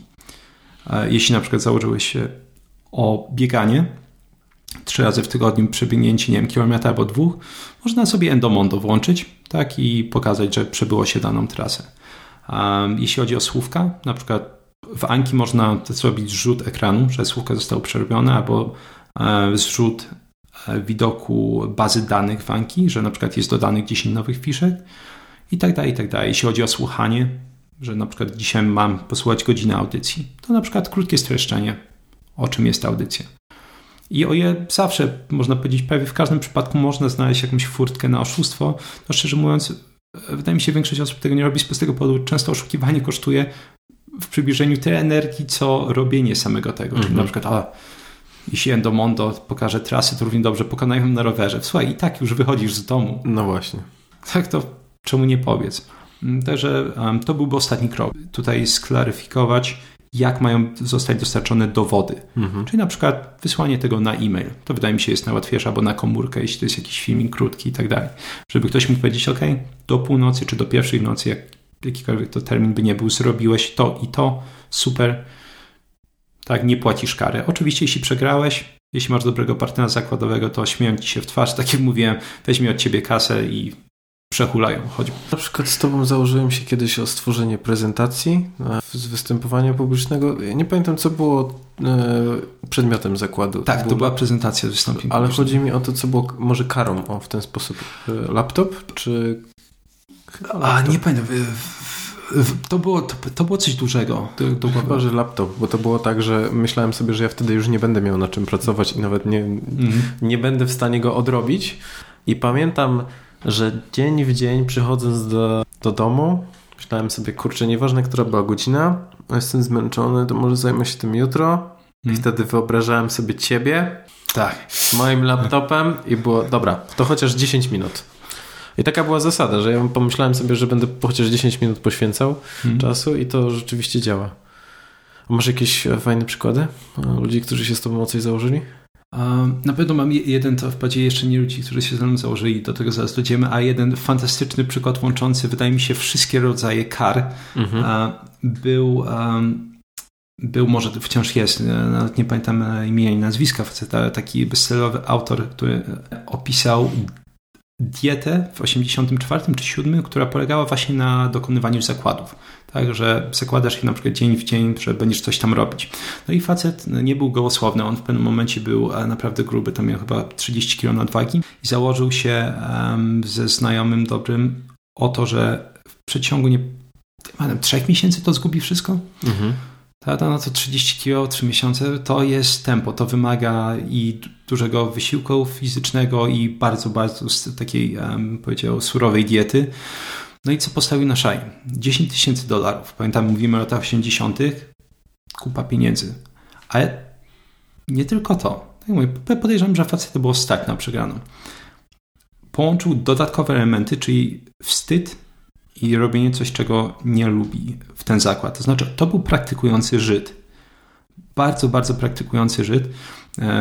Część tej bardzo aktywnej diaspory żydowskiej w Nowym Jorku i on stwierdził tak, powiedział znajomemu, nie tylko te 10 tysięcy, które przejąłem ci na konto jest twoje, jeśli przegram zakład, w moim imieniu jeszcze przej jakąś tam część kwoty, czy chyba nawet całą tą kwotę na e, rzecz nazistowskiej partii Stanów Zjednoczonych. W moim imieniu i czyli zauważcie, to, to, to, by było, to już by był wstyd i nie, nie mówiąc o tym, że coś, czego nie chcemy robić. I ta partia dodatkowo na stronie publikowała listę największych darczyńców. o, idealnie. I no, myślę, myślę, że nie trzeba dodawać, jakby dając 10 tysięcy, prawdopodobnie facet byłby na szczycie. Jest, jest, jest ma po prostu martwy w tej diasporze żydowskiej. Mhm. I oczywiście, e, ja pamiętam, że facet chyba jeszcze ponad 30 kg schód, że po prostu ogryzy z niego został po tych trzech miesiącach, ale dało się? Dało. Dało się. Dało. No więc zachęcamy. Tak, tak. Jak coś, to bardzo chętnie przyjmiemy zakłady i zrobimy wszystkie z jakiegoś wszystkie. case'a. E, dobra, a powiedz mi, jak się przygotować do, do rozmowy kwalifikacyjnej w innym języku? A, sprytnie. sprytnie bym powiedział. Mhm. Porzucić rozumowanie, że tak jak znasz język, tak cię sprawdzą i, i to jest koniec. Mhm. Tak? Czyli okej, okay, ja wiem, że jestem więcej na B2, w takim razie specjalnie nie ma co kombinować, nic się lepiej nie przygotuję, nie będę znać lepiej e, języka w przeciągu tygodnia. Okazuje się, że mimo, że oczywiście mała jest szansa na polepszenie stricte znajomości języka w tak krótkim czasie, możemy podejść sprytnie do procesu przygotowania. Pierwsza rzecz, którą e, trzeba zrobić, to zastosowanie zasady Pareto, ale tym razem do pytań rekrutacyjnych. Mimo, że tych pytań mam nieskończoną ilość, tak, możemy słowa zlepić na, na, miliony sposobów, to jakoś się tak zdarza, że najczęściej pada nie więcej niż paręnaście pytań. Mhm. Jaka jest twoja silna strona? Jakie Jak, są twoje wady? Jakie są twoje wady? Dlaczego chcesz tą pracę? Dokładnie. A dlaczego, dlaczego na przykład porzuciłeś, czy rezygnujesz z poprzedniej pracy? Mhm. Co motywuje cię do pracy? Opisz swój typowy dzień w pracy, czy poprzedni. Wolisz pracować w grupie, czy pojedynczo? I tak dalej, i tak dalej. Um, I tak jak mówię, to jest, to jest ciekawe. Ciekawy przykład zasady Pareto. Można zadać nie wiadomo ile pytania, jednocześnie zadają ludzie zawsze te pytania, czy mhm. głównie te w firmach rekrutacyjnych. Ma to oczywiście sens, to dosyć dobrze jakoś tam określa charakter kandydata. Dla nas, dla osób, które przygotowują się do rozmowy kwalifikacyjnej, pomaga to na pewno przygotować potencjalne szablony odpowiedzi do takich pytań. Jeśli e, potencjalnie łapiesz się na tym, że próbujesz tworzyć odpowiedź na te pytanie i nie znasz słów, Przygotuj te słowa, przygotuj te zwroty. Na pewno nauczenie się w tydzień paru dziesięciu zwrotów czy słów nie będzie takie ciężkie, tak? A jednocześnie słyszalnie zwiększy Twój poziom um, czy kompetencji językowej. Tak, nawet kto wie, nawet o cały poziom prawdopodobnie w niektórych przypadkach. To będzie pierwsza rzecz. Druga rzecz, którą ja często polecam, to jest hmm, takie, powiedział, wytrącanie trochę osoby rekrutującej z tej pozycji władzy i pozycji pewności siebie. Mianowicie, oczywiście, no, ciężko nie mieć tej pewności siebie, rekrutując osobę, tak? Wiadomo, że ty jesteś tą furtką, furtką która wpuści albo nie wpuści danej osoby. Mhm. I dosyć często to są też osoby, które przeprowadzają, osoby, które przeprowadzają rekrutację, które znają język minimum bardzo dobrze, albo dobrze. Nawet osoby po filologii, albo w ogóle lektorzy języków obcych. Więc w tym, w tym momencie teoretycznie można powiedzieć, czym ja mogę zagiąć taką osobę albo czym jej mogę zaimponować. Więc tutaj polecam przygotowanie paru fraz skomplikowanych gramatycznie. Czyli znajdź sobie na przykład jakiś ciekawy czas, ciekawą konstrukcję, coś bardzo rzadkiego z jakiejś książki gramatycznej i stworzyć na podstawie tego jakieś zdanie, które możemy zastosować naturalnie, żeby to brzmiało dosyć naturalnie mhm. E, w rozmowie. Bo pewnie, że ogólnie takie struktury gramatyczne, one w ogóle nie są używane często, ale samo to, że one się pojawi naturalnie w rozmowie, to dla mnie był bardzo mocny sygnał. Jeśli ktoś mi użyje podczas rozmowy rekrutacyjnej past perfect continuous, a gdzie native speakerzy przecież tego nie używają praktycznie mhm. w ogóle w rozmowach, może w piśmie, no to dla mnie to jest wow. czapki z głów, tak? Podejrzewam, że wielu lektorów by tego nie użyło. I o to chodzi, że po prostu słyszysz coś takiego, hu, masz dosyć wyraźny sygnał, to jest osoba, która wie, co robi, nawet jeśli to jest, no właśnie, tylko... Nawet jeżeli ktoś tego się nauczył, no to... Tak, na, nauczył do, do, dokładnie przed rozmową. Um, czyli parę takich ciekawych konstrukcji, czy nawet stań przygotować, to samo w sobie już będzie um, świadczyć o tym, że na przykład, hej, gramatycznie to jest, no ten facet ma kompetencje. Z drugiej strony e, polecam przygotować trochę słówek dziwnych albo samych zwrotów. Znaczy coś, co wiesz, że będzie nawet rzadko używane, co jest, no właśnie, może należy do e, tego grona poza 10, jakby, jeśli mam 10 tysięcy najczęściej używanych słów, to słówka, które należą, nie należą do tej grupy. Mhm. Bo często znowu, jeśli po prostu będziemy słyszeć takie rzeczy, oczywiście w języku polskim to byśmy mieli wrażenie, że może ktoś się wymądrza, tak? No, raczej zależy nam na jasności wypowiedzi. Natomiast podczas takiej rozmowy, jeśli będziemy używać takich ładniejszych zwrotów i słów, to jest dosyć wyraźny sygnał, u, to jest, to jest osoba, która rzeczywiście tutaj gramatyka, tutaj słówka, jest płynność, bo przygotowaliśmy się do tego. Jest pytań. rzeźnik. Tak, to jest tak, i zdane. I bez problemu zdane, to poszedł na takim poziomie jest potwierdzone ciach. I nawet jeżeli coś mu tam nie poszło, powinna się noga, to biorąc pod uwagę mm, to, co pokazał, jaki poziom zaprezentował, to myślę, że tutaj efekt e, Halo e, czy Aureoli zadziała na naszą korzyść, tak czyli jest. jakby e, zostanie nam dodane i wyrównane wszystkie, znaczy wszystkie błędy wybaczone. Tak jest. Wydaje mi się, że ostatnim, ostatnia rzecz, może, może nie aż tak ważna, um, polecałbym trochę manipulować samą rozmową, jeśli chodzi o aktywność uczestników. Mianowicie mamy dwie strony, osoba rekrutująca i osoba rekrutowana. E, jeśli ty wiesz, że twoją silną stroną jest mówienie, tak, a nie jesteś dobrze osłuchany, to twoim zadaniem jest jak najbardziej rozciąganie twoich wypowiedzi w czasie. Jeśli wiesz, że umiesz mówić dosyć ładnie, dosyć płynnie, to na pewno nie chcesz się zamknąć w momencie, w którym po prostu rzeczywiście kończysz tą prawidłową odpowiedź. Mhm. Są twoje silne strony. Na przykład, o nie wiem, jestem bardzo pracowity i dodatkowo punktualny nie, nie przestawaj tutaj, ciągnij, ciągnij to. Świetnym przykładem tego jest ta, ta, ta, ta, ta, ta. Um, I każdą odpowiedź staje się rozwlekać, bo wtedy minimalizujesz czas na interakcję z osobą, którym wiesz, że możesz nie zrozumieć dobrze. Tak, jeśli nie jesteś dobrze osłuchany. Mhm. A czas rekrutacji jest zawsze ograniczony. Czyli im bardziej wypełnisz ten czas swoim gadaniem, jeśli to jest Twoja silna strona, tym mniej czasu na więcej pytań. I w drugą stronę, można sobie wyobrazić, że są osoby, które są lepiej osłuchane. W takim razie rzeczywiście stara się odbijać piłeczkę jak najczęściej. Tak, to znaczy, jakie są Twoje silne strony? Jestem punktualny i pracowity. I tutaj zadajmy jakieś pytanie. Miejmy jakieś pytanie przygotowane, które chcemy. Mhm. Czy, czy taka odpowiedź starczy? Albo o, y, ja wiem, że, że to jest rozmowa rekrutacyjna, ale może jakie są Twoje silne strony? Tak, my się pytamy.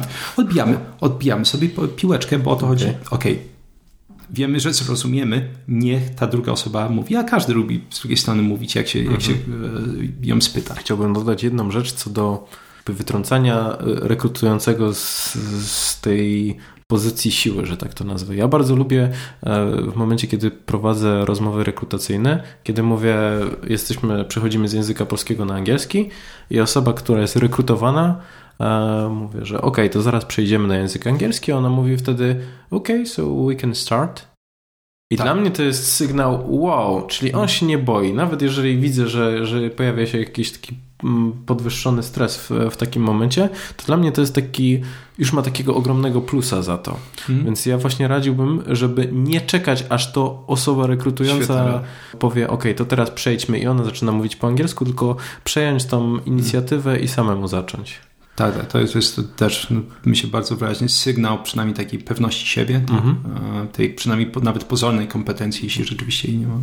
Dokładnie. I kolejna kwestia to mm, jakby wejść w ten angielski, czy mm, język, w którym będziemy, będziemy odbywać rozmowę trochę wcześniej, czyli w, pogadać do siebie e, w tym języku, myśleć w tym języku zaraz przed rozmową, e, przeczytać może jakiś tekst albo... No, piosenka w tramwaju czy w aucie. Dokładnie, żeby przestawić się i nie być zaskoczonym w, w danym momencie. Tak jest. Tak jest, no to przedstawia zdecydowanie myślenie już wcześniej, mhm. tak. Szczególnie jeśli ktoś nie ma doświadczenia w przełączaniu się gwałtownie z języka na język, to też jest specyficzna umiejętność. Mhm. To rzeczywiście warto wdrożyć się w ten język przed. Co słuchacz mógłby zacząć robić już dzisiaj i kontynuować to każdego kolejnego dnia, żeby lepiej i bardziej efektywnie uczyć się języków hmm? albo języka? coś innego niż to, co dotychczas omówiliśmy. Mhm. Um, powiedziałbym, że stosunkowo, stosunkowo łatwym um, elementem, a jednocześnie krytycznym, jeśli chodzi o ogólnie wytrwanie w nauce języka, by było um, integracja nauki języka z życiem. to jest bardzo, ciekawa sprawa. Wydaje mi się, że większość osób e, traktuje język obcy jako przedmiot. Może to jest jakaś naleciałość właśnie ze, ze szkoły, kursów językowych, tak, że to jest coś, z czego cię testują, dostaniesz piątkę, ktoś ci poklepie po ramieniu albo i nie. Mhm. A tak naprawdę no, język to jest no, język, to jest narzędzie komunikacji, to jest, albo nawet można powiedzieć w ogóle narzędzie, tak? Nawet możemy powiedzieć, że jeśli ktoś nie chce sam się komunikować, no to jest to przynajmniej jakiś tam wytrych otwierający dostęp do informacji. Więc na pewno e, bym jakoś postarał się znaleźć elementy styczne e, jakby naszego życia z tym językiem. Czyli jeśli ktoś, powiedzmy, interesuje się fitnessem, zacząć czytać o, o fitnessie po angielsku. Mhm. Tak? Może, może nawet badania naukowe. Szczególnie, że tak naprawdę badania naukowe po angielsku w porównaniu do Polski z jakiejkolwiek dziedziny są, są dużo lepsze, dużo ciekawsze, dużo świeższe i tak dalej. Mm, to jest, to jest jeden przykład. E, jeśli na przykład dojeżdżamy do pracy i wiem, że to trwa 30 minut, to czemu nie zintegrować tego znowu z językiem? Jeśli zwyczajnie słuchaliśmy muzyki, to czemu nie posłuchać tej muzyki, ale tym razem na przykład głównie po angielsku zamiast tak, radia, mhm. gdzie powiedzmy jest raz po polsku, raz po angielsku. Co, co dalej? Jeśli na przykład, e, nie wiem, prowadzimy jakiś pamiętnik czy, czy dzienniczek albo e, lubimy coś pisać nawet dla samego siebie, znowu czemu nie zmienić język? Po prostu znaleźć jakieś punkty styczne jeszcze raz między życiem a językiem. Lubimy mhm. oglądać seriale, po co z, no właśnie, po co z napisami, tak? Najczęściej wchodzimy na jakąś tam stronę, czy, czy oglądamy w ogóle po polsku e, z, z polskim lektorem. Czemu? ok, znaleźć angielskie i nawet odpoczywać w tym języku. No ja tutaj dorzucę od siebie, że w momencie, kiedy mm, jakby ja pracowałem nad swoim angielskim, to w, znalazłem to, na co poświęcam bardzo dużo czasu, czyli rozmowy z, z moim bliskim przyjacielem przez telefon zaproponowałem, to czemu nie robić tego w języku angielskim. Super. No i najważniejsze jest to w tym wszystkim, żeby zrobić to od razu, bo my tak kiedyś, już pamiętam dawno temu pojawił się ten pomysł, ale jakoś tak mhm. gdzieś umarł, a potem było, dobra, no to przechodzimy na angielski, przeszliśmy na angielski i tak chyba przez rok rozmawialiśmy. Mhm. Trudno jest przełamać tą barierę na samym początku, ale potem mhm. efekty są, są zdumiewające.